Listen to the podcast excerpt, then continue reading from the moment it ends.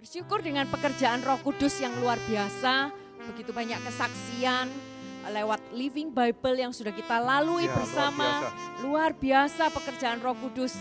Kami bahkan tidak pernah memikirkannya, tapi itu terjadi dalam kehidupan eh, cegiers-cegiers mengalami mujizat, mengalami janji-janji Tuhan dan eh, ada perubahan karakter juga terjadi. Demikian juga dengan pekerjaan Roh Kudus memberikan rema, pewahyuan yang luar biasa yang melalui template-template bahkan eh, sudah ada juga template-template dalam berbagai bahasa, ada dalam bahasa Chinese, dalam bahasa eh, Jerman, dalam bahasa French, dalam bahasa Jepang, Korea, dalam bahasa eh, Bahasa apalagi Jawa. bahasa Jawa. Wow, English juga luar biasa pekerjaan Roh Kudus. Eh, kami percaya bahwa The Living Bible ini akan membuat setiap kita semakin mengenal Tuhan, semakin mencintai Tuhan, dan semakin melekat dengan Tuhan. Dan berikutnya kita akan belajar mengenai Musa. Musa ini seseorang yang menandakan eh, orang yang startnya pernah gagal, tetapi Tuhan bisa pakai dia lagi. Dia sepertinya berubah karier dua kali dan Tuhan tetap bisa pakai. Dia adalah orang yang luar biasa dalam kehidupannya mengalami mujizat demi mujizat. Ternyata Tuhan itu bisa memberikan kesempatan kedua kepada orang yang pernah gagal dan Tuhan tetap urapi dengan luar biasa. Musa adalah seseorang yang menjadi pemimpin yang membawa eh, banyak kehidupan orang berubah mendekat kepada Tuhan dan ternyata itu masalah eh, umur juga tidak pengaruh orang yang bisa dipakai Tuhan dengan segala luar biasanya dan saya percaya Anda akan diberkati saat kita akan membaca mengenai Musa. Dan saya percaya juga Anda makin takjub kalau membaca The Living Bible Series eh, Musa ini makin takjub dan bangga dengan Allah yang begitu dahsyat, begitu eh, besar karyanya, mujizatnya dalam mengasihi umatnya, dalam menyertai umatnya, dalam menepati setiap janji-janji yang diberikan pada Abraham, Ishak, Yakub, bahkan sampai kepada kalian semua. Dan kita akan memulai untuk series Ada Apa Dengan Musa mulai dari 21 Oktober sampai dengan 3 November. Saya percaya kalian semua akan menikmati Living Bible series Musa ini. Karena kita akan belajar, akan mendalami uh, Alkitab, kelahiran mulai dari kelahiran Musa hingga men- Musa menyerahkan ke generasi selanjutnya yaitu Yosua. Mari kita baca bersama-sama di dalam membaca Living Bible ada apa dengan, dengan, Musa. Musa.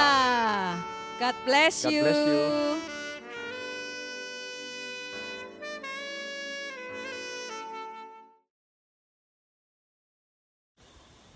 Salut, je m'appelle Kessia, je suis du euh, Connect Group euh, Europe à Paris. Et pendant ces deux semaines-là, j'ai suivi le The Living Bible sur euh, Joseph.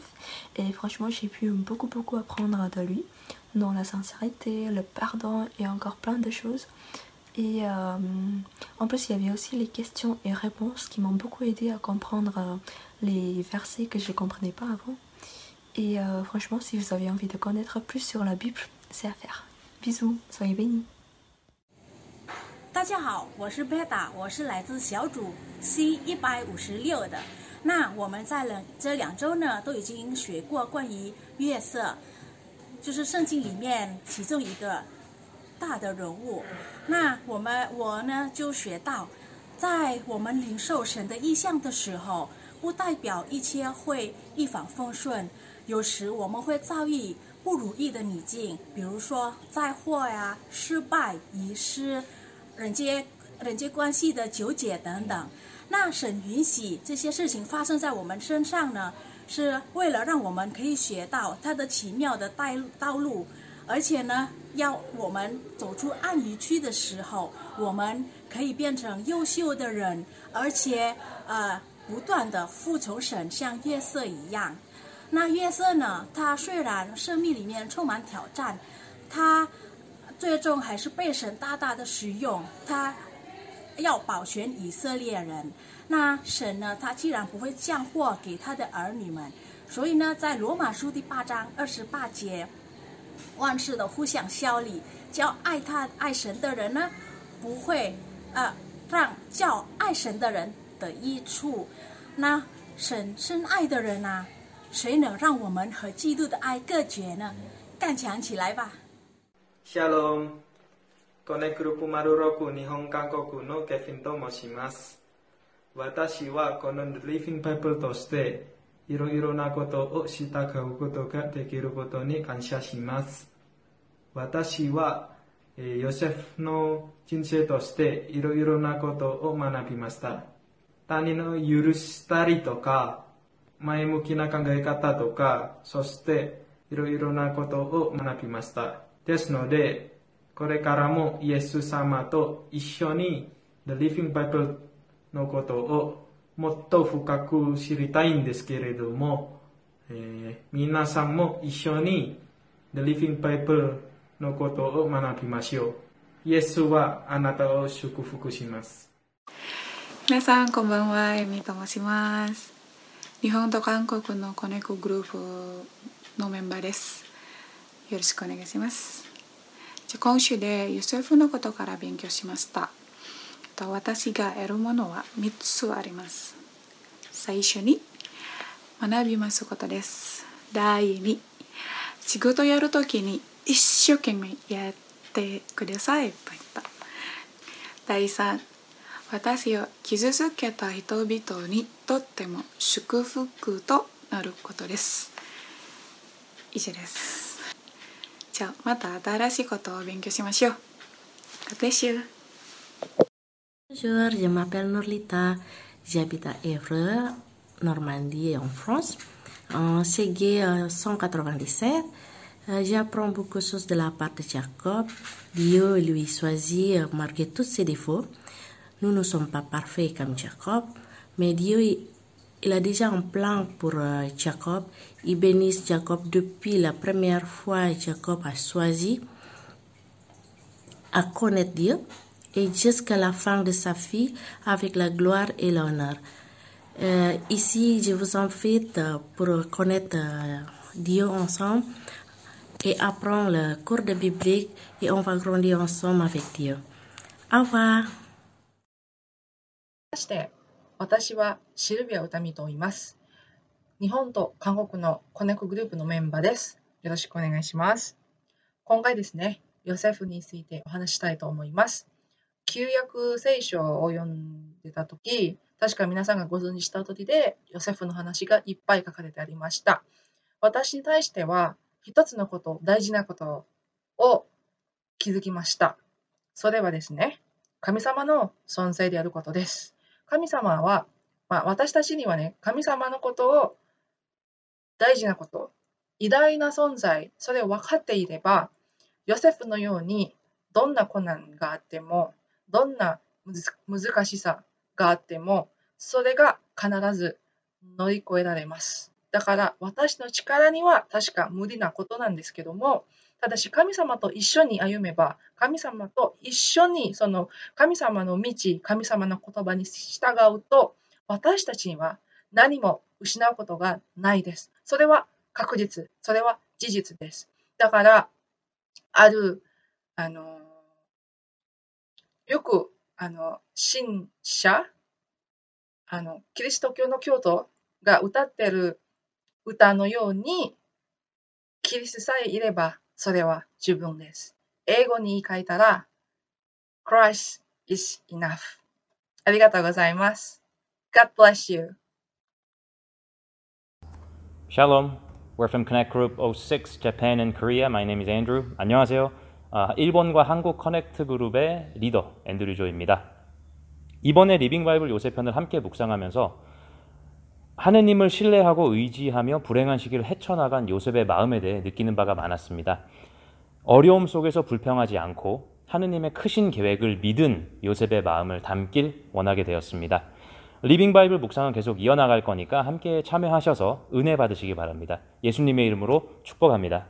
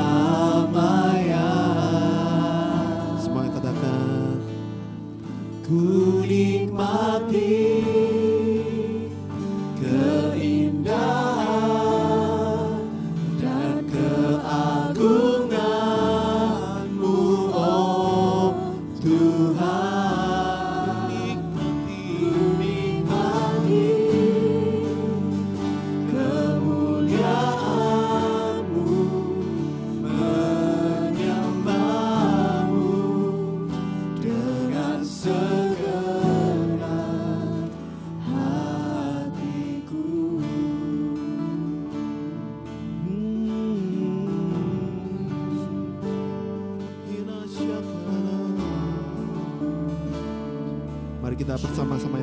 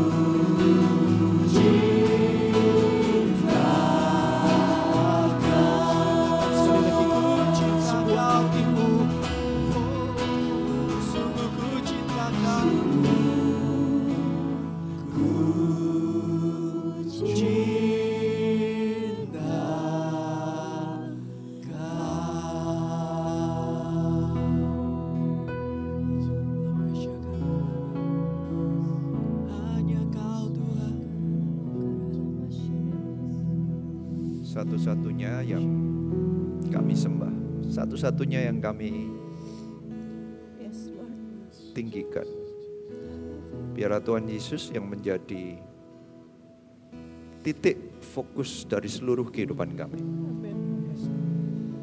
Titik yang tertinggi itu adalah menyembah Engkau. Titik yang tertinggi adalah menyenangkan Engkau. Titik yang kami kejar adalah makin lama makin kenal kepada Engkau Tuhan Yesus. Hanya Engkau sumber dari segalanya. Hanya Engkau tujuan akhir dari segalanya. Engkaulah Tuhan Yesus. Engkaulah yang kami sembah, Engkau yang kami puji, Engkau yang kami tinggalkan. Terima kasih Tuhan. Kami undang Engkau. Engkau yang berbicara pada setiap kami. Melalui pembacaan mengenai Yusuf, kami percaya kami akan mempelajari mengenai Tuhan Yesus. Dan itulah yang kami rindukan. Kami ingin tahu lebih lagi siapa Engkau Yesus, bagaimana luar biasanya Engkau itu. Terima kasih Tuhan. Urapi setiap kami, urapi setiap kesaksian, urapi setiap firman, urapi setiap pembicaraan kami. Ujung-ujungnya kami mau meninggi- meninggikan namamu dan mengenal Engkau lebih lagi. Hanya di dalam nama Yesus. Semua yang percaya katakan, amin. Shalom semuanya. Senang sekali bisa berjumpa kembali. Kita ini meneruskan Living Bible yang selama ini kita membaca karakter demi karakter dan yang terakhir ini mengenai Yusuf.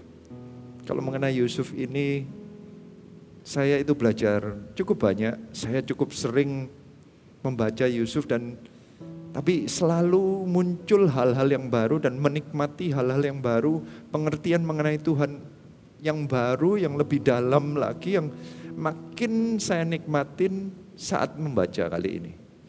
Yusuf itu terkenal adalah dari seseorang yang berhasil luar biasa, padahal permulaannya saat dia masih muda, dia itu sepertinya bagaikan satu kutuk bagi keluarganya.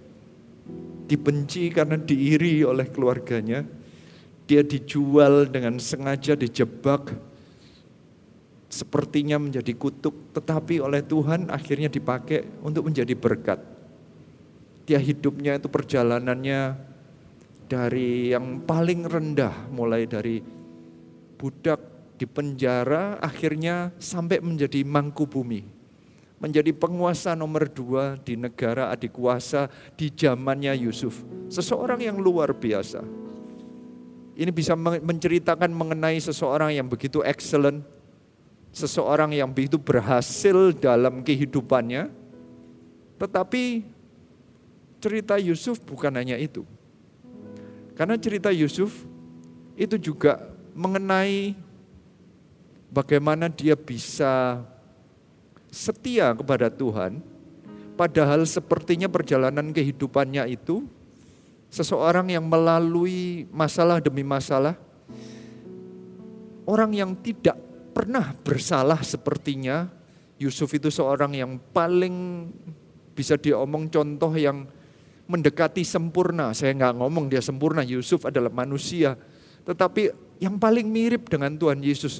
Karakter ceritanya itu mirip selalu ada kesamaan-kesamaan dengan Tuhan Yesus dalam kehidupannya sehingga saya bisa mengambil kesimpulan Yusuf itu tipologi atau model dari Tuhan Yesus Kristus di perjanjian lama. Salah satu modelnya. Gara-gara itu saya makin menghargai karena kalau kita disuruh meniru serupa dengan Tuhan Yesus kelihatannya kan selalu ada alasan. Ya mana bisa lah kita bisa seperti Yesus. Yesus pasti lebih sempurna karena Yesus adalah anak Allah. Tetapi Yusuf ini malah memberikan suatu encouragement bagi saya. Karena apa? Yusuf manusia biasa yang mengalami tekanan tapi keputusan-keputusannya membuat dia karakternya, kehidupannya, ceritanya itu mirip dengan karakter cerita dari Tuhan Yesus. Berarti sebenarnya bisa nggak kita serupa dengan Tuhan Yesus? Kalau melihat contohnya Yusuf bisa. Asal pilihan-pilihan kita, kita bisa belajar dari Yusuf. Dan akhirnya Hari ini saya mau highlight salah satu nantinya tentunya dengan diskusi dengan para narasumber yang ada di sini. Kelihatan mereka profesional sekali ya. Ada yang terpaksa sekali pakai dasi karena nggak pernah pakai dasi karena kerjanya mungkin nggak pakai dasi. Tapi ini kita cuma mau menunjukkan aja kami mau belajar dari excellence-nya seorang Yusuf. Eh, bagaimana hidup kita itu bisa diangkat oleh Tuhan nggak peduli posisinya dari mana. Posisinya bisa dari budak itu negatif, apalagi orang yang dimasukin penjara itu lebih negatif lagi sosial ekonomi hancur lah dari nol tapi bisa diangkat Yusuf bisa membantu menolong seluruh keluarganya bahkan banyak orang di sekelilingnya. Saya rindu setiap orang bisa belajar kayak Yusuf, bisa diangkat oleh Tuhan dari minus, dari kutuk, bisa menjadi berkat. Tetapi sekali lagi ceritanya bukan hanya mengenai hal itu, bukan hanya mengenai excellence. Nanti tentunya kita akan diskusikan. Hari ini yang saya mau highlight adalah mengenai pengampunan. Karena ternyata ceritanya ini sepertinya diawali dan diakhiri dengan cerita dari pengampunan. Permulaannya itu dimulai dari apa dasarnya sehingga pengampunan bisa terjadi. Apa dasar permulaan atau benih awalnya itu apa dan akhirnya ujung-ujungnya ujung-ujungnya dibutuhkan pengampunan. Itu ternyata ada cerita yang paling apa ya kayak dari awal sampai sampai akhirnya. Saya mau ngajak Anda melihat ini bahwa awalnya Yusuf dengan saudara-saudaranya karena cerita Yusuf itu dimulai dari saat saudara-saudaranya mulai iri dan akhirnya dia dijual sebagai budak hanya karena startnya dari iri. Ternyata sesuatu yang kelihatannya innocent ya. Innocent itu kayaknya nggak terlalu nggak apa-apa lah ya, nggak Ya cuman iri, aduh iri apa sih? Iri itu apa ya? Iri itu ngelihat orang lain berhasil nggak suka, ngelihat orang lain punya sesuatu nggak suka. Iri itu bukan tergantung dari orang yang melakukannya, tapi tergantung dari efek orang sekelilingnya. Yusuf itu menjadi ya, objek dari iri apa objek atau subjek diiriin ya apa ya orang lain yang iri tapi itu startnya sama kayak Tuhan Yesus. Waktu Tuhan Yesus di bumi, banyak yang iri dengan apa pun yang dilakukan oleh Tuhan Yesus. Tuhan Yesus ngadain mujizat yang dipertanyakan kenapa mujizatnya di hari sabat. Kalau mengadakan apa aja kayaknya uh, salah gitu loh boy. Ada orang lumpuh berjalan ditanyain ini pasti blasphemy gitu loh. Cara ngomongnya salah atau apa. Semuanya itu karena iri. Startnya dari iri, ujung-ujungnya Tuhan Yesus mati di kayu salib. Yusuf mengalami iri, dan seluruh cerita Yusuf itu bergulir start dari iri. Start dari perselisihan, start dari gara-gara iri, ada keinginan dari keluarganya atau saudara-saudaranya untuk membunuh. Startnya dari dosa. Sebenarnya cerita kehidupan dan seluruh cerita Alkitab itu startnya juga dari dosa. Hanya karena hawa iri, makanannya kok enak. Kok kok nggak boleh makan? Iri pingin sesuatu yang mestinya nggak mestinya nggak didapat dan didapat. Start dari dosa, start dari dosa. Ujung-ujungnya Tuhan Yesus harus mati di atas kayu salib. Muncullah pengampunan. Cerita Yusuf itu mengenai pengampunan. Ini salah satu tema yang dari awal dan akhir itu mencakup seluruh kehidupan Bible sebenarnya dan menceritakan kehidupan Tuhan Yesus Kristus. Start dari dosa, ujungnya pengampunan. Start dari irinya saudaranya, keluarlah muncullah dosa, menjual, memfitnah, ingin membunuh, ujung-ujungnya pengampunan.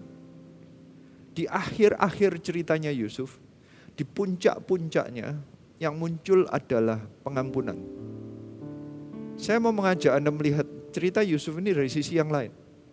Yusuf itu karena begitu miripnya kayak Tuhan Yesus, saya mau mengajak Anda melihat bahwa anggap saja kalau Tuhan Yesus itu bertindak sebagai sekali lagi ya, ini cuma model, artinya Yusuf tidak sempurna, hanya Tuhan Yesus yang sempurna, Yusuf hanyalah model. Nah, di akhir hidupnya, di dalam ceritanya Anda harus melihat bahwa saudara-saudaranya itu seperti kita, gereja Tuhan, terhadap Tuhan Yesus, Yusuf itu bertindak sebagai Tuhan Yesus yang sedang mencari gerejanya atau jemaatnya. Anda lihat bahwa ada satu titik dalam kehidupan saudara-saudaranya. Yusuf sudah menjadi mangku bumi di Mesir dan dia mempunyai segala persediaan power and authority di bawah Firaun. Sama seperti Tuhan Yesus sekarang duduk di sebelah kanan takhta Allah dengan posisi yang tertinggi yang punya persediaan power and authority kepada siapa pun yang datang untuk mencari dia. Pertanyaannya, apakah orang-orang mencari Tuhan Yesus atau tidak? Ternyata kondisi dunia ini kadang dipakai oleh Tuhan, bahkan kebanyakan cerita Yusuf itu sedikit sekali mujizatnya. Ada mujizat enggak? Ada. Penerjemahan mimpi, benar ya? Apa penafsiran mimpi? Iya. Apakah itu mujizat banget? Well, itu penafsiran. Mujizat yang luar biasa kayak apa ya? Saya nggak tahu, Bu. Tapi yang uh, yang pasti sepertinya Tuhan itu ternyata bisa memakai semua kejadian yang sepertinya tidak ada mujizat.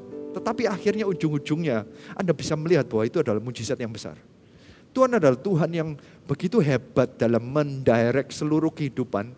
Tuhan itu bisa mengatur baik itu kebencian atau keirian saudaranya dipakai untuk rencananya Tuhan. Kalau dalam kehidupan Anda ada sesuatu hal yang gak enak, Anda jangan khawatir. Allah kita adalah Allah yang jago dalam membuat apa pun yang jelek bisa diatur oleh Tuhan. Kejelekan manusia atau keadaan atau kondisi. Bahkan yang terakhir itu kondisi apa yang dipakai oleh Tuhan? Kelaparan. Dipakai untuk membuat saudara-saudaranya datang kepada Yusuf jika tidak ada kelaparan, Yusuf tidak akan berjumpa dengan saudara-saudaranya. Kadang sih banyak di antara kita, tidak mungkin kita berjumpa dengan Tuhan Yesus Kristus jika kita tidak mengalami masalah. Tuhan bisa pakai masalah dalam kehidupan kita.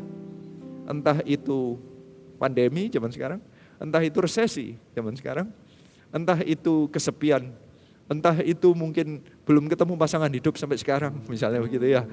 Uh, bisa dipakai oleh Tuhan untuk membuat mereka mencari Tuhan Yesus. Jika tidak ada kelaparan waktu itu, saudara-saudaranya tidak akan mencari Yusuf ke Mesir. Bahkan sebenarnya bukan mencari Yusufnya, cuman mencari makanannya. Kadang kita datang ke Tuhan bukan mencari Tuhannya, tetapi mencari berkatnya. Kadang kita datang ke Tuhan bukan mencari Tuhannya, tetapi mencari mujizatnya. Banyak di antara kita datang ke Tuhan bukan untuk mencari Tuhannya, tetapi untuk mencari makanan, untuk mencari uang, mencari berkat. Tapi hamba Tuhan tetap bisa dipakai. Dalam kondisi itu, Tuhan akhirnya ada prosesnya yang dialami waktu saudara-saudaranya datang ke Mesir dan itu nanti mungkin salah satu pertanyaan yang nanti kita akan diskusikan. Mungkin nanti lebih lanjut kita akan jelaskan di sana. Tapi nggak langsung Tuhan itu nggak langsung tunjukin. Sebenarnya kita kalau datang ke ke gereja pertama kali kalau langsung Tuhan tuh ngomong saya ini raja, saya ini apa ya. Kalau dijelasin langsung apa adanya, munculnya mungkin cuman rasa takut. Cuman menyembahnya bukan dengan kasih. Saya suka sekali tadi kita uh, penyembahan yang kali ini mirip kayak CG ya, cuman gitar meskipun ya ada yang yang keyboard ya, tapi ini saya kami ingin saking kangennya sama CG kayak ya, ya kita ini pingin kayak ini kayak CG gitu ya. Uh, penyembahannya itu benar-benar dengan kasih, bukan datang pada Tuhan bukan dengan ketakutan. Mestinya sih kita ketemu Tuhan itu dengan kasih, dengan kerinduan. Kalau datang ditemuin oleh raja di atas segala raja dan langsung dinyatakan powernya. Kita mungkin cuma mengikut Tuhan karena takut. Tapi bukan itu tujuannya. Oleh karena itu sepertinya ada prosesnya. Akhirnya prosesnya yang saya mau ajak Anda lihat. Prosesnya adalah pertobatan. Saya ajak Anda lihat langsung ke kejadian 44. Ini titik terendah. Ini proses sudah kedua kalinya saudara-saudara yang ketemu dengan Yusuf. Saudara-saudaranya tidak mengenal Yusuf, Yusuf mengenal mereka. Kita datang ke gereja, kita tidak bisa melihat Tuhan Yesus. Kita tidak bisa melihat bahkan kita menganggap apa pun yang diajarkan itu kebodohan. Kadang kita merasa ini semua nggak ada gunanya, tetapi Tuhan itu yang berusaha kita mendekat sampai menangkap, benar-benar nangkep, benar-benar. Dan diproseslah oleh Yusuf kepada saudara-saudaranya sampai titik ini. Di titik ini adalah titik terendahnya. Titik terendahnya yang saya mau ajak Anda membacanya, kejadian 44 ayat 12. Kata-katanya demikian. Dan kepala rumah itu memeriksanya dengan teliti, ia mulai dengan yang sulung sampai kepada yang bungsu. Maka kedapatanlah piala itu dalam karung Benyamin. Lalu mereka mengoyakkan jubahnya dan masing-masing memuati ke keledainya dan mereka kembali ke kota. Ini adalah titik yang menyatakan perubahan selama 22 tahun saudaranya tidak ketemu dengan Yusuf dahulu terakhir Yusuf dengan saudara-saudaranya itu mereka mendiskusikan mau dibunuh atau dijual Yusufnya. Di setelah 22 tahun Yusuf itu membuat skenario sehingga Benyamin sebagai penggantinya Yusuf. Jika Benyamin itu bersalah, apa yang dilakukan oleh saudara-saudaranya? Ternyata setelah 22 tahun, mereka tidak membiarkan Benyamin pergi sendirian. Ya sudah ini salahnya Benyamin. Sudah ketahuan ini yang kedapatan mendapatkan bawa piala itu ada ada ayat sebelumnya berkata yang dapat piala itu dibunuh dan bahkan jadi jadi budaknya uh, Yusuf akhirnya gitu loh. Ternyata saudara-saudaranya malah melakukan hal ini, mengoyakkan jubahnya. Itu adalah ekspresi untuk menunjukkan kesedihan yang berlebihan mengoyakkan jubah itu kayak aduh gimana ini. Padahal yang kena kan Benyamin. Jika masih ada sifat pertama yang memulai seluruh cerita yaitu iri. Jika iri itu masih ada, mereka nggak mungkin mengoyakkan jubahnya. Jika mereka iri terhadap Benyamin, Anda harus tahu cerita sebelumnya. Benyamin itu diberikan makanan itu lima kali lebih banyak. Semuanya itu lebih banyak semuanya itu dikasihin spesial. Dengan sengaja Yusuf itu menskenario supaya saudara-saudaranya, jika masih ada irinya, jika diberikan sesuatu yang lebih banyak, saudaranya akan bilang, ya, ya rasain kamu sudah makan lebih banyak, sekalian lah. Kamu ambil aja sekaligus jadi budaknya sekalian. Ternyata tidak ada. Setelah 22 tahun, ada perubahan dalam hati mereka. Dahulu yang memulai seluruh cerita ini, irinya sudah berubah Tuhan rindunya kalau kita datang pada dia. Ada hal yang kita harus lepas. Iri itu sekali lagi keputusan dari yang sekelilingnya. Iri itu keputusan kita waktu datang pada Tuhan. Kalau kita mau benar-benar bisa mengasihi Tuhan Yesus Kristus, hal-hal inilah yang harus kita lepas. Kita harus bertobat. Kita mencari titik terendah. Mengoyakkan jubah itu titik terendah. Biarlah kita kalau datang pada Tuhan itu, kalau menyembah Tuhan itu, kayaknya sepertinya kita mengoyak jubah kita kayak kita nggak punya apa-apa yang lain hanya Tuhan Yesus saja yang mau kita cari. Itu titik penyembahan yang paling enak waktu datang pada Tuhan. Dan inilah yang terjadi antara saudara-saudaranya dengan Yusuf. Saudara-saudaranya yang mestinya lebih tua mestinya semuanya mestinya bisa ada mau kesombongan mau apa. Mereka mau pulang bisa. Mau katanya boleh kok yang pulang yang cuma diambil cuma Benyamin tapi mereka enggak mereka mengoyakkan jubahnya mereka sudah menghilangkan sifat irinya itu. Bahkan terbukti di ayat berikutnya, bukan hanya meninggalkan semua kedagingan, tapi ada pengakuan dosa. Di kejadian 44 ayat 16, diwakili oleh Yehuda. Dia berkata demikian, sesudah itu berkatalah Yehuda, apakah yang akan kami katakan kepada Tuanku? Apakah yang akan kami jawab? Dan dengan apakah kami akan membenarkan diri kami? Dalam bahasa Inggrisnya kata-kata membenarkan diri kami itu adalah how can we prove our innocence? Mereka tuh merasa nggak bersalah sebenarnya. Untuk mengenai hal yang tadi loh piala yang dibawa oleh Benyamin, mereka tuh benar-benar nggak ngambil. Itu kan di skenario sebenarnya. Itu cuma caranya Tuhan untuk mendekat. Tapi akhirnya mereka ngakuin, kadang sih kita tuh merasa loh kita nih salah apa sama Tuhan. Kita kan nggak salah, tapi Anda harus mengerti kita manusia semua itu lahir ada benih salahnya, nggak ada manusia yang sempurna. Kalau Anda nggak pernah merasa salah, Anda nggak pernah bisa datang dan mengangkat Yesus Kristus sebagai Tuhan. Ini konsep yang sangat jelas. Meskipun saat itu saudara-saudaranya itu nggak salah, tetapi mereka harus ingat bahwa dahulu mereka itu ada satu kesalahan yaitu menjual Yusuf yang mungkin nggak pernah diakui. Papanya nggak tahu, papanya dibohongin, katanya bajuan disobek-sobek dikasihin darah, katanya dimakan oleh binatang buas. Jadi mereka itu menipu. Yang sepuluh orang itu menutupi satu dosa mereka. Ada kemungkinan istri-istri mereka nggak ada yang tahu. Tetapi setelah 22 tahun Tuhan itu memproses hati mereka. Ada satu titik mereka harus mengakuinya. Dan inilah titik pengakuannya. Ternyata di ayat 16 itu dikatakan Allah telah memperlihatkan kesalahan hamba-hambamu ini. Apa kata-kata, apa kenapa kok Yehuda mengatakan ini? Mereka itu selama 22 tahun, mereka itu merasa bersalah. Waktu diajak omong sama Yusuf itu mereka itu sempat ngomong, ah kamu tahu toh kita ini sekarang mengalami hal ini. Gara-gara dulu lu Yusuf itu loh, mereka itu uh, seharusnya kita nggak boleh jual Yusuf. Yusuf itu lu sudah minta-minta hidupnya jangan dibunuh dan lain-lain kita tetap menjual dia. Ini yang membuat kita ini semua ada satu tuduhan terus. Jika Anda tidak pernah mengakui dosamu di hadapan Tuhan Yesus, ada sesuatu tuduhan. Dikatakan bahwa iblis itu adalah penuduh. Engkau akan selalu merasa bersalah. Hidupmu selalu ada yang menuduh sehingga hidupmu itu tidak pernah enak. 22 tahun. Saya percaya keluarganya Yusuf, saudara-saudara Yusuf itu nggak pernah hidupnya bahagia. Karena ada dosa yang tidak pernah diampuni. Dan ini titik dia mereka melepaskan dosanya. Ini diwakili oleh Yehuda. Dia berkata, loh aku ini nggak salah mengenai piala ini. Tapi aku tahu aku ini orang bersalah. Ini dia ngomong bukan bukan Yusuf yang membuktikan kesalahan. Tapi Allah telah memperlihatkan kesalahan hamba-hambamu ini. Di titik itulah Yusuf itu sepertinya nggak tahan.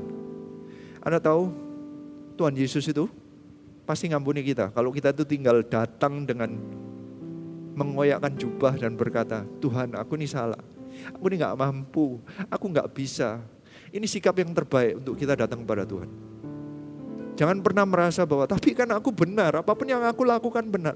Kalau engkau datang dengan menuntut sepertinya, engkau berkata, aku ini kan benar, aku ini kan baik, kenapa kok bisnisku gak jalan di masa kayak begini? Mestinya enggak, kita tinggal mengoyakkan jubah dan berkata, Tuhan aku memang banyak kesalahan. Aku minta ampun Tuhan, relax saja, datang ke hadapan Tuhan itu dengan titik yang terendah. Dan inilah yang akan terjadi. Tuhan itu akan begitu tersentuh dengan orang yang bertobat. Inilah istilah pertobatan. Makanya tadi kalau Tuhan datang dengan cuman menunjukkan kekuasaan. Yusuf cuman ngomong, eh aku ini Perdana Menteri sekarang dulu itu aku saudaramu yang kamu jual dulu. Mereka semua cuma takut. Kalau Tuhan cuma datang, ini loh Tuhan Tuhan yang nggak pernah kamu anggapin loh. Ternyata Tuhan yang bakalan menjadi hakim di akhir hidupmu. Apa yang kau lakukan engkau cuma takut. Enggak Tuhan tuh mau engkau sayang sama dia. Makanya lebih baik kita datang dan kita mengakui aja di hadapan Tuhan. Tuhan aku memang nggak sempurna Tuhan. Banyak kesalahan Tuhan. Aduh ampuni aku Tuhan. Kita lebih baik mengoyakkan jubah. Dan ini yang akan terjadi. Yang terjadi adalah boleh saya bacakan dulu ayatnya ya. Di Amsal 28 ayat 13 dikatakan, siapa yang menyembunyikan pelanggarannya tidak akan beruntung. Saya percaya saudara-saudaranya itu gak beruntung, hidupnya gak enak. Karena menyembunyikan pelanggaran. Tetapi siapa yang mengakuinya dan meninggalkannya akan disayangi. Dalam bahasa Inggrisnya, but the one who confesses and renounces them finds mercy. Kalau Anda datang kepada Tuhan, mengakui aja dosamu, dan meninggalkan dosanya, Anda akan mendapatkan mercy. Mercy itu bentuknya kayak begini, Tuhan menunjukkan dirinya. Setelah itu, setelah mendengarkan itu Yusuf nggak tahan, Yusuf menunjukkan siapa dirinya. Sama kayak kita, kalau kita datang kepada Tuhan, kita minta ampun apa yang terjadi, Tuhan akan menunjukkan siapa dirinya. Ini yang terjadi setelah ada pengakuan dosa. Di kejadian 45 ayat 3, Tuhan menunjukkan dirinya. Ini poin pertama setelah ada pengakuan dosa. Ini kata ini yang di Yusuf ya. Dan Yusuf berkata kepada saudara-saudaranya, "Akulah Yusuf."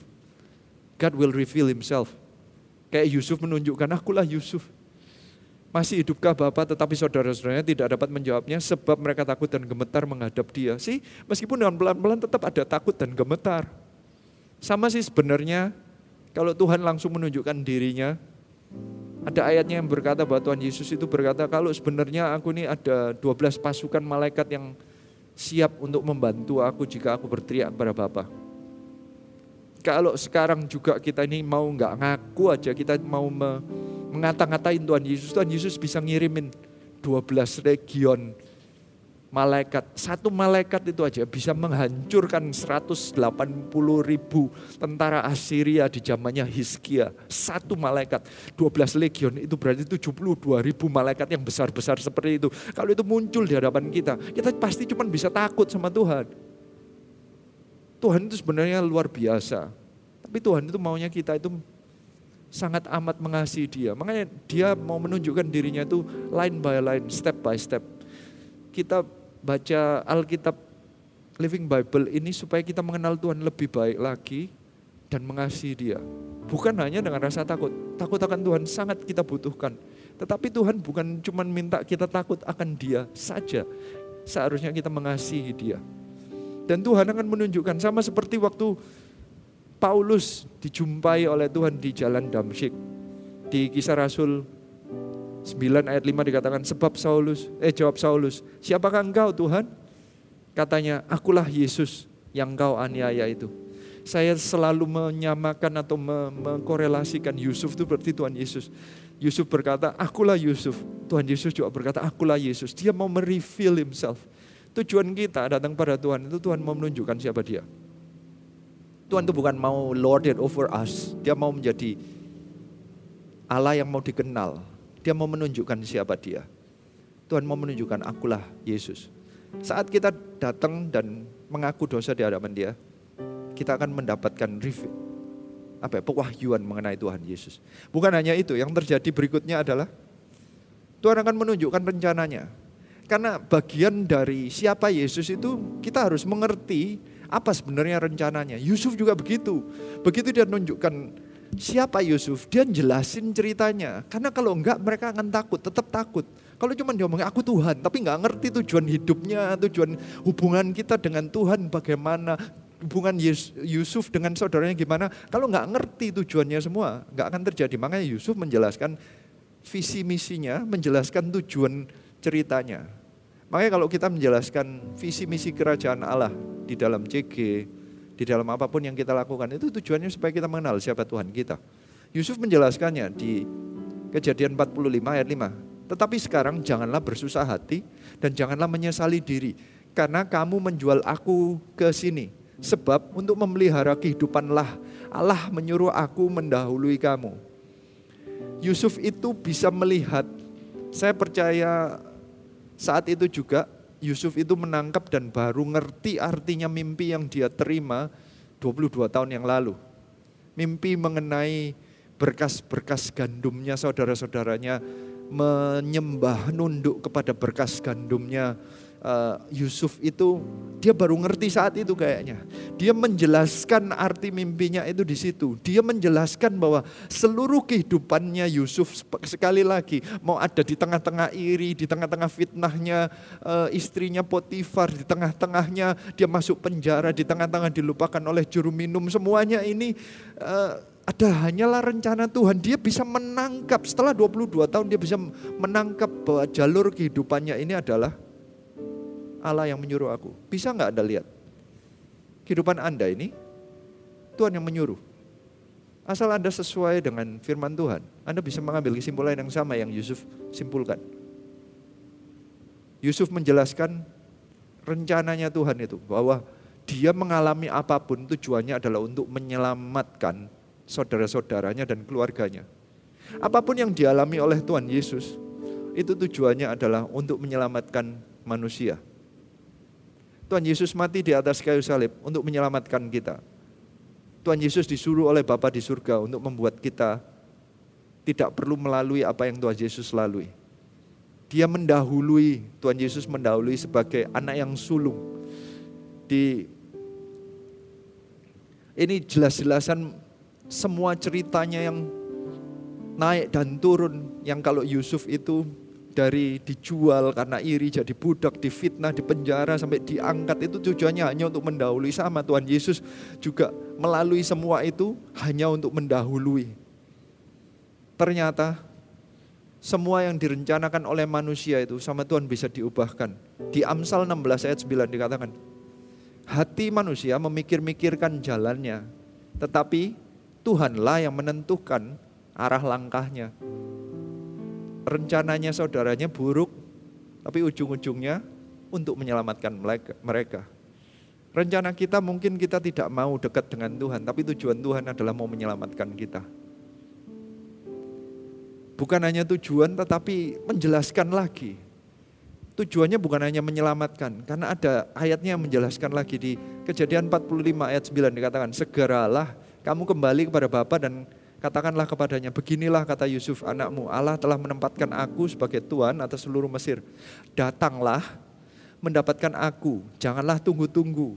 Engkau akan tinggal di tanah Goshen dan akan dekat dengan kepada dekat kepadaku, engkau serta anak dan cucumu, kambing domba dan lembu sapimu dan segala milikmu. Anda tahu nggak tujuan Tuhan itu? Untuk membuat kita datang dan tinggal dekat dengan dia. Tuhan itu maunya kita berfellowship dengan Tuhan, tujuannya. Tuhan itu tidak butuh persembahannya, Tuhan itu tidak butuh pelayanannya. Tuhan itu butuh kita untuk datang, tinggal, dan dekat dengan dia Makanya ada ayat yang di Matius 11 ayat 28 dikatakan, Marilah kepadaku semua yang letih lesu dan berbeban berat, aku akan memberi kelegaan kepadamu. Tuhan itu berkata, Kam, datanglah. Bahkan di Yohanes 15 ayat 4 dikatakan, tinggallah dalam aku dan aku dalam kamu. Sama seperti ranting yang yang dapat berbuah tidak dapat berbuah dari dirinya sendiri, kalau ia tidak tinggal dalam pokok anggur, demikian juga kamu tidak berbuah jika kamu tidak tinggal dalam aku. Sangat tujuan Tuhan itu untuk memberkati kita, mau memberi kita persediaan, makanan, semuanya mau disiapin. Tujuannya untuk mendekat itu adalah untuk memberi. Kam, Tuhan mau memberikan kelegaan, datanglah. Tuhan itu mengajak mendekat, kita ngajak CG, ngajak melayani. Tujuannya supaya apa? Tuhan bisa tinggal dekat dengan padamu dan memberikan kelegaan padamu. Bukan hanya itu, karena setelah engkau menikmatinya, Tuhan itu ternyata sama kayak Yusuf menjelaskannya begini di kejadian 45 ayat 17 dikatakan ini. Lalu berkatalah Firaun kepada Yusuf, katakanlah kepada saudara-saudaramu. Berarti setelah engkau sudah melihat ini loh kejayaan Mesir kayak begini, engkau jangan tinggal diam. Sekarang kembalilah yang belum menikmati, yang belum tahu, katakanlah kepada saudara-saudara saudara-saudara buatlah begini.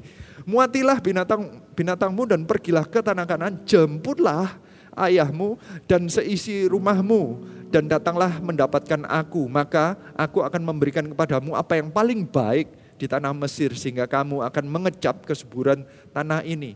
Engkau seharusnya kalau sudah mendapatkan keselamatan dan mencicipi semua yang Tuhan sudah alami dalam kehidupan kita.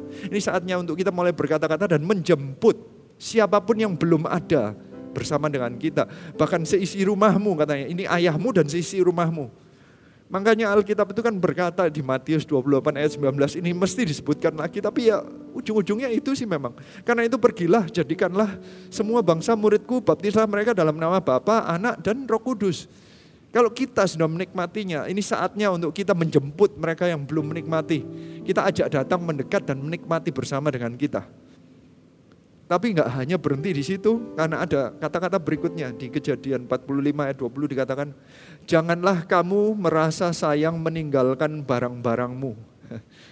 Sebab apa yang paling baik di seluruh tanah Mesir ini adalah milikmu. Banyak di antara kita, kalau diajak mendekat kepada Tuhan, itu selalu berkatanya, sebentar aku masih ngurusin bisnisku, aku masih ngurusin my stuff. Ini kata-kata barang-barang itu stuff.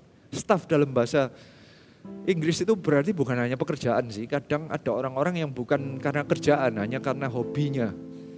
Diajak, ayo melayani lebih, sorry saya nggak ada waktu. Saya mesti nggak tahu hobinya, nggak tahu main game, hobinya apa aja deh hobinya uh, sepedaan, hobinya lari, hobinya olahraga, hobinya nggak um, tahu ngumpulin perangko, saya nggak tahu hobi anda apa. Uh, tapi yang pasti ada kadang ada barang-barang yang mencegah, membuat kita nggak mau meninggalkan, nggak mau mendekat kepada Tuhan. Kita masih jauh dari Tuhan. Makanya di Lukas 12 ayat 15 dikatakan, katanya lagi kepada mereka, berjaga-jagalah dan waspadalah terhadap segala ketamakan. Sebab walaupun seorang berlimpah-limpah hartanya, hidupnya tidaklah tergantung daripada kekayaannya itu. Banyak di antara kita nggak mau mendekat kepada Tuhan karena bingung visinya adalah mencari kekayaan. Anda harus mengerti bahwa Yusuf mencapai level itu tidak pernah dalam hidupnya targetnya adalah aku mau jadi mangku bumi. Kelewatan aja enggak, kepikiran aja enggak. Dia mikirnya cuman dia dijadiin budak kok. Visinya dia cuma satu, dia menjaga kedekatan dengan Tuhan. Dan ujung-ujungnya dia jadi mangku bumi. Kadang di antara kita kalau visinya salah, maunya mencari uang, maunya mencari kekayaan, maunya mencari harta. Ujung-ujungnya nggak bisa dekat sama Tuhan. Makanya ada warningnya. Janganlah, jangan dekat, jangan berpegang pada harta atau barang-barang atau stafmu. Lebih baik mendekat kepada Tuhan aja. Karena apa kalau di dalam Tuhan? Ini yang terakhir, Tuhan itu selalu menyediakan urapan. Kejadian 45 ayat 21 dikatakan, demikianlah dilakukan oleh anak-anak Israel itu, Yusuf memberikan kereta kepada mereka menurut perintah Firaun dan juga diberikan kepada mereka bekal di jalan. E, kereta dan bekal ini menunjukkan dimensi dari urapan. Urapan itu ada dua dimensinya, authority and power. E, kereta itu authority-nya. Kereta itu nggak ada fungsinya, cuma menunjukkan posisinya apa. Power itu bekalnya. Power itulah powernya supaya terjadi sesuatu. Bekal itu membuat kita bisa jalan mendekat. Bekal itu membuat orang lain ikut. Bekal itu berarti alat-alat apa yang dibutuhkan untuk menyelesaikan itu semua. Tapi kereta itu adalah authority. Dengan kereta itu jelas-jelas semua orang tahu ini dari Mesir. Urapan itu menunjukkan. Kalau Anda melayani Tuhan, Tadi Tuhan memerintahkan, jemputlah saudara-saudaramu, jadikan semua bangsa muridku. Tuhan nggak akan membuat kita jalan biasa-biasa saja. Dia akan memberikan keretanya dan memberikan bekalnya untuk menjemput. Dengan kereta itu orang lain akan tahu, oh orang ini dari Tuhan. Dengan bekal ada power di dalamnya untuk menunjukkan itu cuman DP. Apa pun yang Anda dapatkan dalam urapan cuman DP itu apa? Down payment. Down payment itu apa? Bayar di depan. Itu cuma uang muka. Artinya itu bukan aslinya. Itu itu cuma icip-icip. Apa mujizat yang kalian alami sekarang? Ini baru uang muka. Nanti kalau dekat dengan Tuhan baru, baru anda tahu. Yang paling baik di surga itu disiapin untuk anak-anak Allah. Orang-orang yang mengakui siapa Tuhan Yesus Kristus itu. Anda belum tahu apa yang paling semua yang kita alami di sini ini cuma sementara semua cuma uang muka doang. Ini cuma sementara sedikit aja bukan semuanya. Ini cuma urapan, ini cuma bekal di jalan. Ini semua terjadi. Ternyata Alkitab itu ujung-ujungnya mengenai Tuhan Yesus. Meskipun ngelihatnya itu mengenai Tuhan Yesus, eh mengenai Yusuf, tapi saya ngelihatnya mengenai Tuhan Yesus. Saya sudah nggak bisa melihat. Anda harus bisa membaca perjanjian lama, perjanjian, perjanjian baru. Anda harus melihat di mana tangan Tuhan itu kelihatan nanti. Kelihatan senyumannya Tuhan. Dari cerita Yusuf ini saya melihat mersinya Tuhan itu, pengampunannya Tuhan itu. Yusuf itu luar biasa karena dia bisa mengampuni saudara-saudaranya. Harus Anda harus menangkap bahwa saudara-saudaranya itu yang benci terhadap Yusuf dan Yusuf tetap mau mengampuninya. Sama kita ini loh kalau datang pada Tuhan dan kita menerima pengampunan. Sama kita itu juga se mencekno itu di hadapan Tuhan. Kita itu sangat amat menghina Tuhan. Kita iri dan kita nggak mau dekat kepada Tuhan. Bahkan kita membuang, tidak menganggap, mau menjauhkan Tuhan Yesus dari hidup kita. Tapi Tuhan itu membuka tangannya dia siap untuk menunjukkan siapa dirinya, bahkan menyiapkan semua bekalnya ini. Kita datang aja yuk untuk merasakan kasihnya Tuhan dan merasakan pengampunan Tuhan. Kalau Yusuf bisa melakukannya, apalagi Tuhan Yesus Kristus. Dialah sumber segala pengampunan. Mari kita datang kepada dia. So cerita Yusuf ini ternyata cerita mengenai pengampunan Tuhan. Tapi sekali lagi ini cuma satu sisi saya juga rindu melihat dan menceritakannya dari sisi yang lain mengenai Yusuf. Karena sisinya Yusuf juga luar biasa yang lainnya. Saya akan mulai yang pertama, ada seseorang yang menunjukkan kehidupannya setia sehingga dalam pekerjaannya dia juga mencapai posisi yang eh, cukup tinggi dan orang itu adalah narasumber yang satu ini Pak Budi. Thank you Pak Budi. CKL Budi ini mau datang dan mau menceritakan. Gimana coba ceritain mengenai karier Anda, Pak? Silakan. Iya. Pertama saya saya cerita saya udah kerja selama 25 tahun ya. 25 tahun. 25 tahun. Kayaknya jarang ya di zaman sekarang ada yang ditanyain berapa tahun Ya. gitu, 25 tahun ini luar biasa. Jadi saya kerja memang di satu orang ini. Satu Jadi, orang. Ya. Dari lulus sekolah itu Dari- Pak ya. iya, lulus sekolah, sekolah langsung, langsung, masuk ke ah, perusahaan ini iya. dan hingga saat ini. Saat ini ya. Wah, luar 25 biasa. tahun. Apa Wow. yang menyebabkan Anda bisa kenapa ya? Kok bisa tetap di satu perusahaan 25 tahun ini gimana ya? Jadi ini juga apa tuh eh, perusahaan ini juga bukan bukan saudara juga bukan punya saudara juga bukan apa Bukan tuh, saudara? eh, Bukan kenalan juga bukan kenalan itu? Pimpinan perusahaan juga bukan apa tuh saya juga nggak kenal sama anu ya baru sekali ini. Jadi cuma saya tuh eh, diajar oleh orang tua saya kalau kerja ikut orang ya itu prinsipnya gini. Jadi berusaha bekerja sebaik mungkin supaya kalau sewaktu-waktu kita tinggalkan itu bosnya merasa kehilangan. Hmm. jadi jadi kita bekerja sebaik mungkin. Jadi kita nggak ada motivasinya untuk maksudnya ngejar salary atau apa. Pokoknya saya bekerja sebaik mungkin. Dengan target untuk sampai bosnya merasa bahwa Anda itu kalau nggak ada, dia kehilangan gitu ya. Iya saya berusaha seperti itu pak. Itu targetnya, itu visinya. Iya saya akan Anda nggak bingung bakalan dapat posisi apa itu nggak pernah Oh dia enggak, bingung. saya enggak. Sebaik mungkin dari posisi apa pun. Startnya dari apa ya? Waktu itu supervisor ya, start Iya permulaan. saya supervisor dulu. Ta- Tapi nggak pernah punya pemikiran targetnya nanti saya mau jadi direktur tempat Oh ini enggak, atau enggak pak. apa ada pemikiran gajinya berapa, dapat Enggak. mobil apa, dapat Oh, enggak. handphone atau apa? Enggak pak. Enggak ada Jadi sama saya sekali. pokoknya kerja, ya itu saya pegang apa tuh eh, ajaran orang tua saya itu. ada ada satu uh, bekal yang ini saya saya menarik ini. Uh, menurut saya Yusuf bisa melalui apa pun yang ada dalam kehidupannya itu juga karena dalam kehidupannya dia juga belajar dari Yakub. Saya percaya di masa mudanya dia melihat perubahan Yakub yang dahulunya tidak menyembah Tuhan, tapi ada satu titik dia mengajak seluruh keluarganya untuk bertobat meninggalkan semua eh, penyembahan berhalanya dan kemudian membangun mesbah di Betel.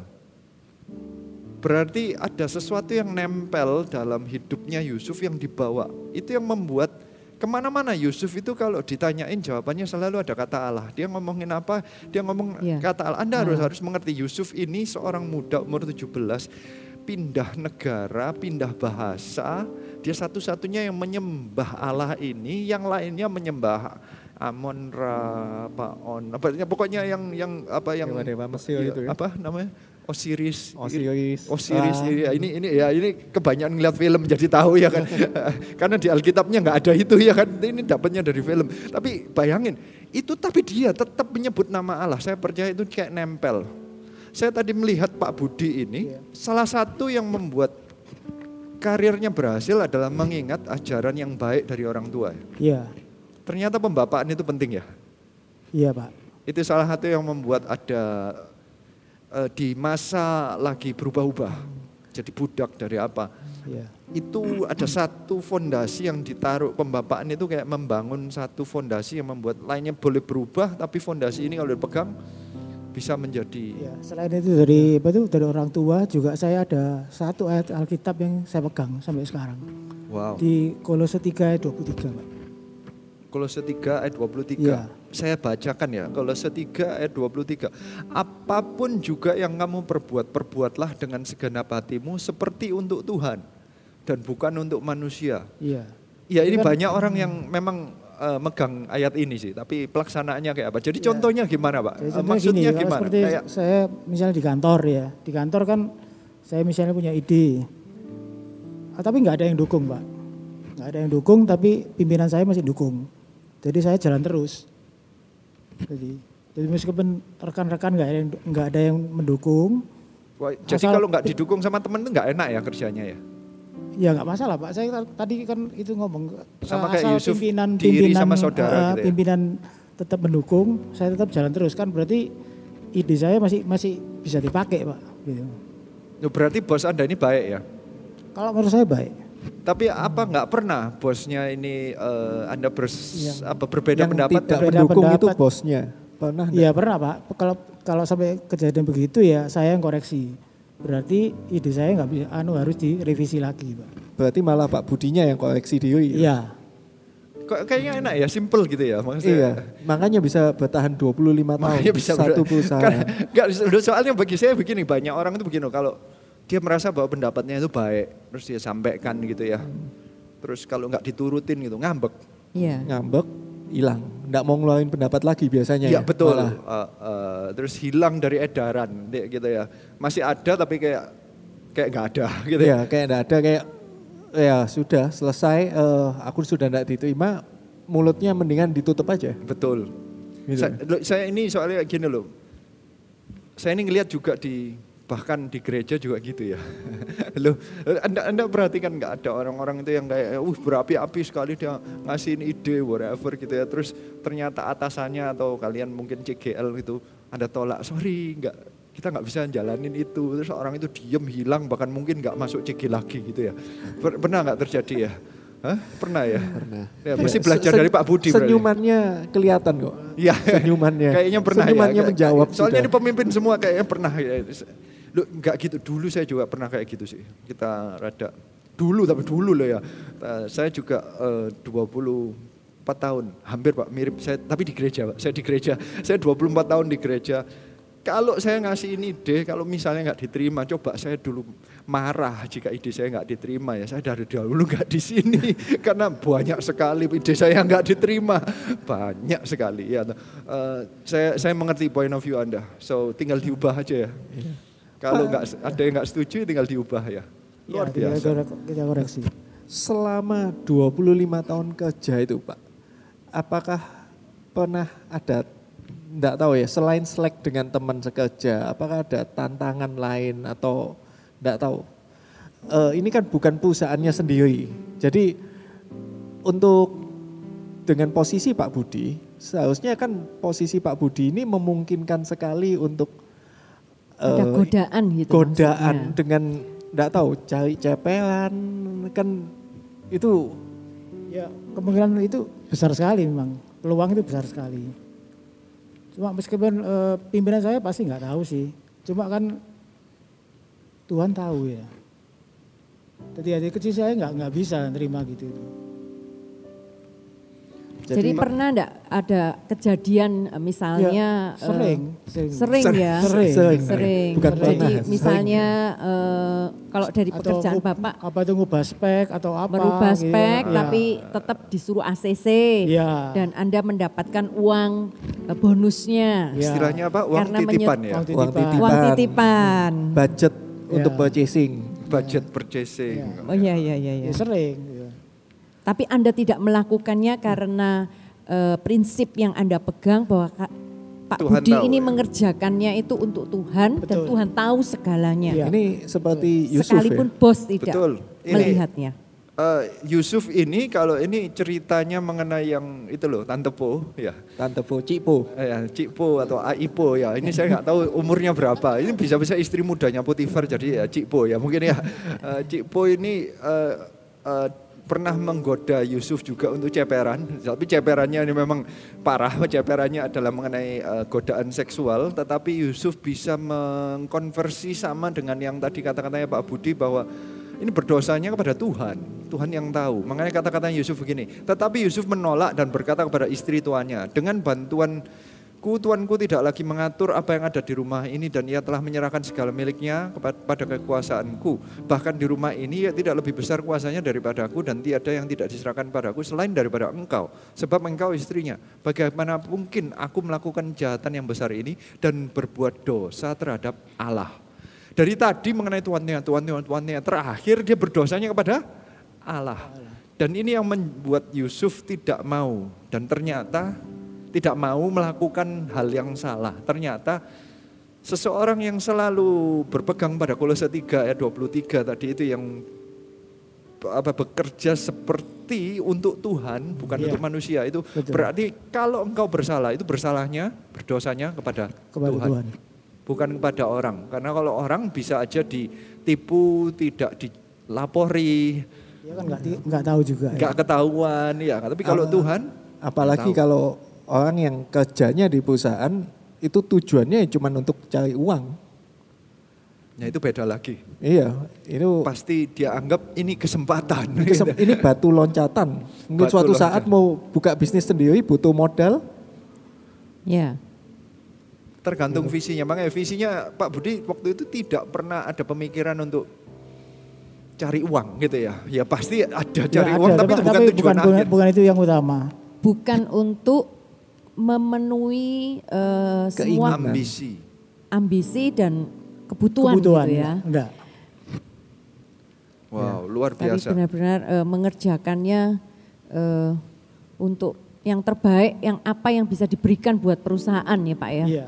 makanya Matius 23 ayat 11 dikatakan bahwa barang siapa terbesar di antaramu hendaklah ia menjadi pelayanmu Eh, konsep Alkitab mengenai menjadi besar ternyata itu tidak ada urusan dengan ambisi jumlah uang yang bakalan kita kadang terlalu banyak motivasi yang mem- mem- membuat kita jalan itu target angka atau kayak apa ya? Punya rumah punya mobil ini punya Keinginan. ya punya jabatan ini ada punya 5000 toko misalnya begitu misalnya itu bayanginnya kayak begitu. Nah, tapi padahal Alkitab berkata barang siapa terbesar di antara kamu hendaklah yang menjadi pelayanmu pelayan itu tadi definisi yang Pak Budi bilang saya mau melakukan yang terbaik sampai bosku nah berarti Anda melayani bos Anda merasa kehilangan kalau Anda pindah Iya. dan itu yang menjadi karir Anda langgeng 25 tahun. Luar biasa. Anda menjalankan firman Tuhan. Ternyata zaman sekarang ada itu yang kayak Yusuf. Tapi nama Anda berarti Budi Yusuf ya? Bukan. Bukan. Ternyata Pak Budi aja. Ya. Luar biasa buat kesetiaan dan loyalitas yang Pak Budi eh, sikap yang ditanamkan ya untuk bekerja ketika bekerja dengan eh, satu perusahaan hingga 25 tahun saya percaya itu tidaklah eh, bukan waktu yang singkat tapi itu waktu yang eh, cukup panjang untuk mengerjakan dan saya percaya di dalam hatinya Pak Budi ini juga memiliki rasa memiliki atas perusahaan itu. Makanya ketika tantangan tadi Iya, yang. Ya, karena diceritakan itu itu tadi karena saya eh, merasa memiliki jadi kan otomatis saya juga nggak mau nggak mau merugikan perusahaan itu. Loh sebentar, sebentar. Anda ikut memiliki itu apa? Anda dibagiin share? Oh enggak juga. Oh enggak, ya, enggak. ya. bukan bukan sistem kayak begitu ya. Tapi Enggak. jadi ikut memilikinya gimana? Jadi ke, eh, sederhananya kalau misalnya apa yang perlu dihemat gitu ya, ya nggak nggak perlu kita keluarkan. Padahal kan juga bukan, bukan uang uang saya juga, kan uang perusahaan, juga bukan perusahaan saya juga. Saya kok bisa gitu loh. Soalnya kalau semua anak buah saya kayak Anda ya puji Tuhan gitu loh. Maksudnya ngerti Anda ngerti maksud saya. Amin. Itu pemikirannya kan begitu ya. Ya kok bisa Pak? Caranya gimana? Sekali lagi cuman dari firman Tuhan dan eh, eh, tuntunan orang tua itu aja. Iya ya cuma dua itu aja. Saya berdoa banyak Yusuf-Yusuf yang muncul di setiap perusahaan yang ada. Amin. Amin. Dan saya percaya juga oh, Pak Budi di awalnya hanya diberikan jabatan yang sederhana di level yang bawah, tapi hingga saat ini perusahaan juga pasti tidak tutup mata dengan dedikasi, dengan loyalitas, kesetiaan yang Pak Budi sudah kerjakan, yang sudah tabur, buat eh, juga setiap kerja yang luar biasa bisa dipercaya eh, ketika ada tantangan untuk menyeleweng, untuk me- melakukan hal-hal yang merugikan perusahaan, tapi Pak Budi memilih untuk tidak.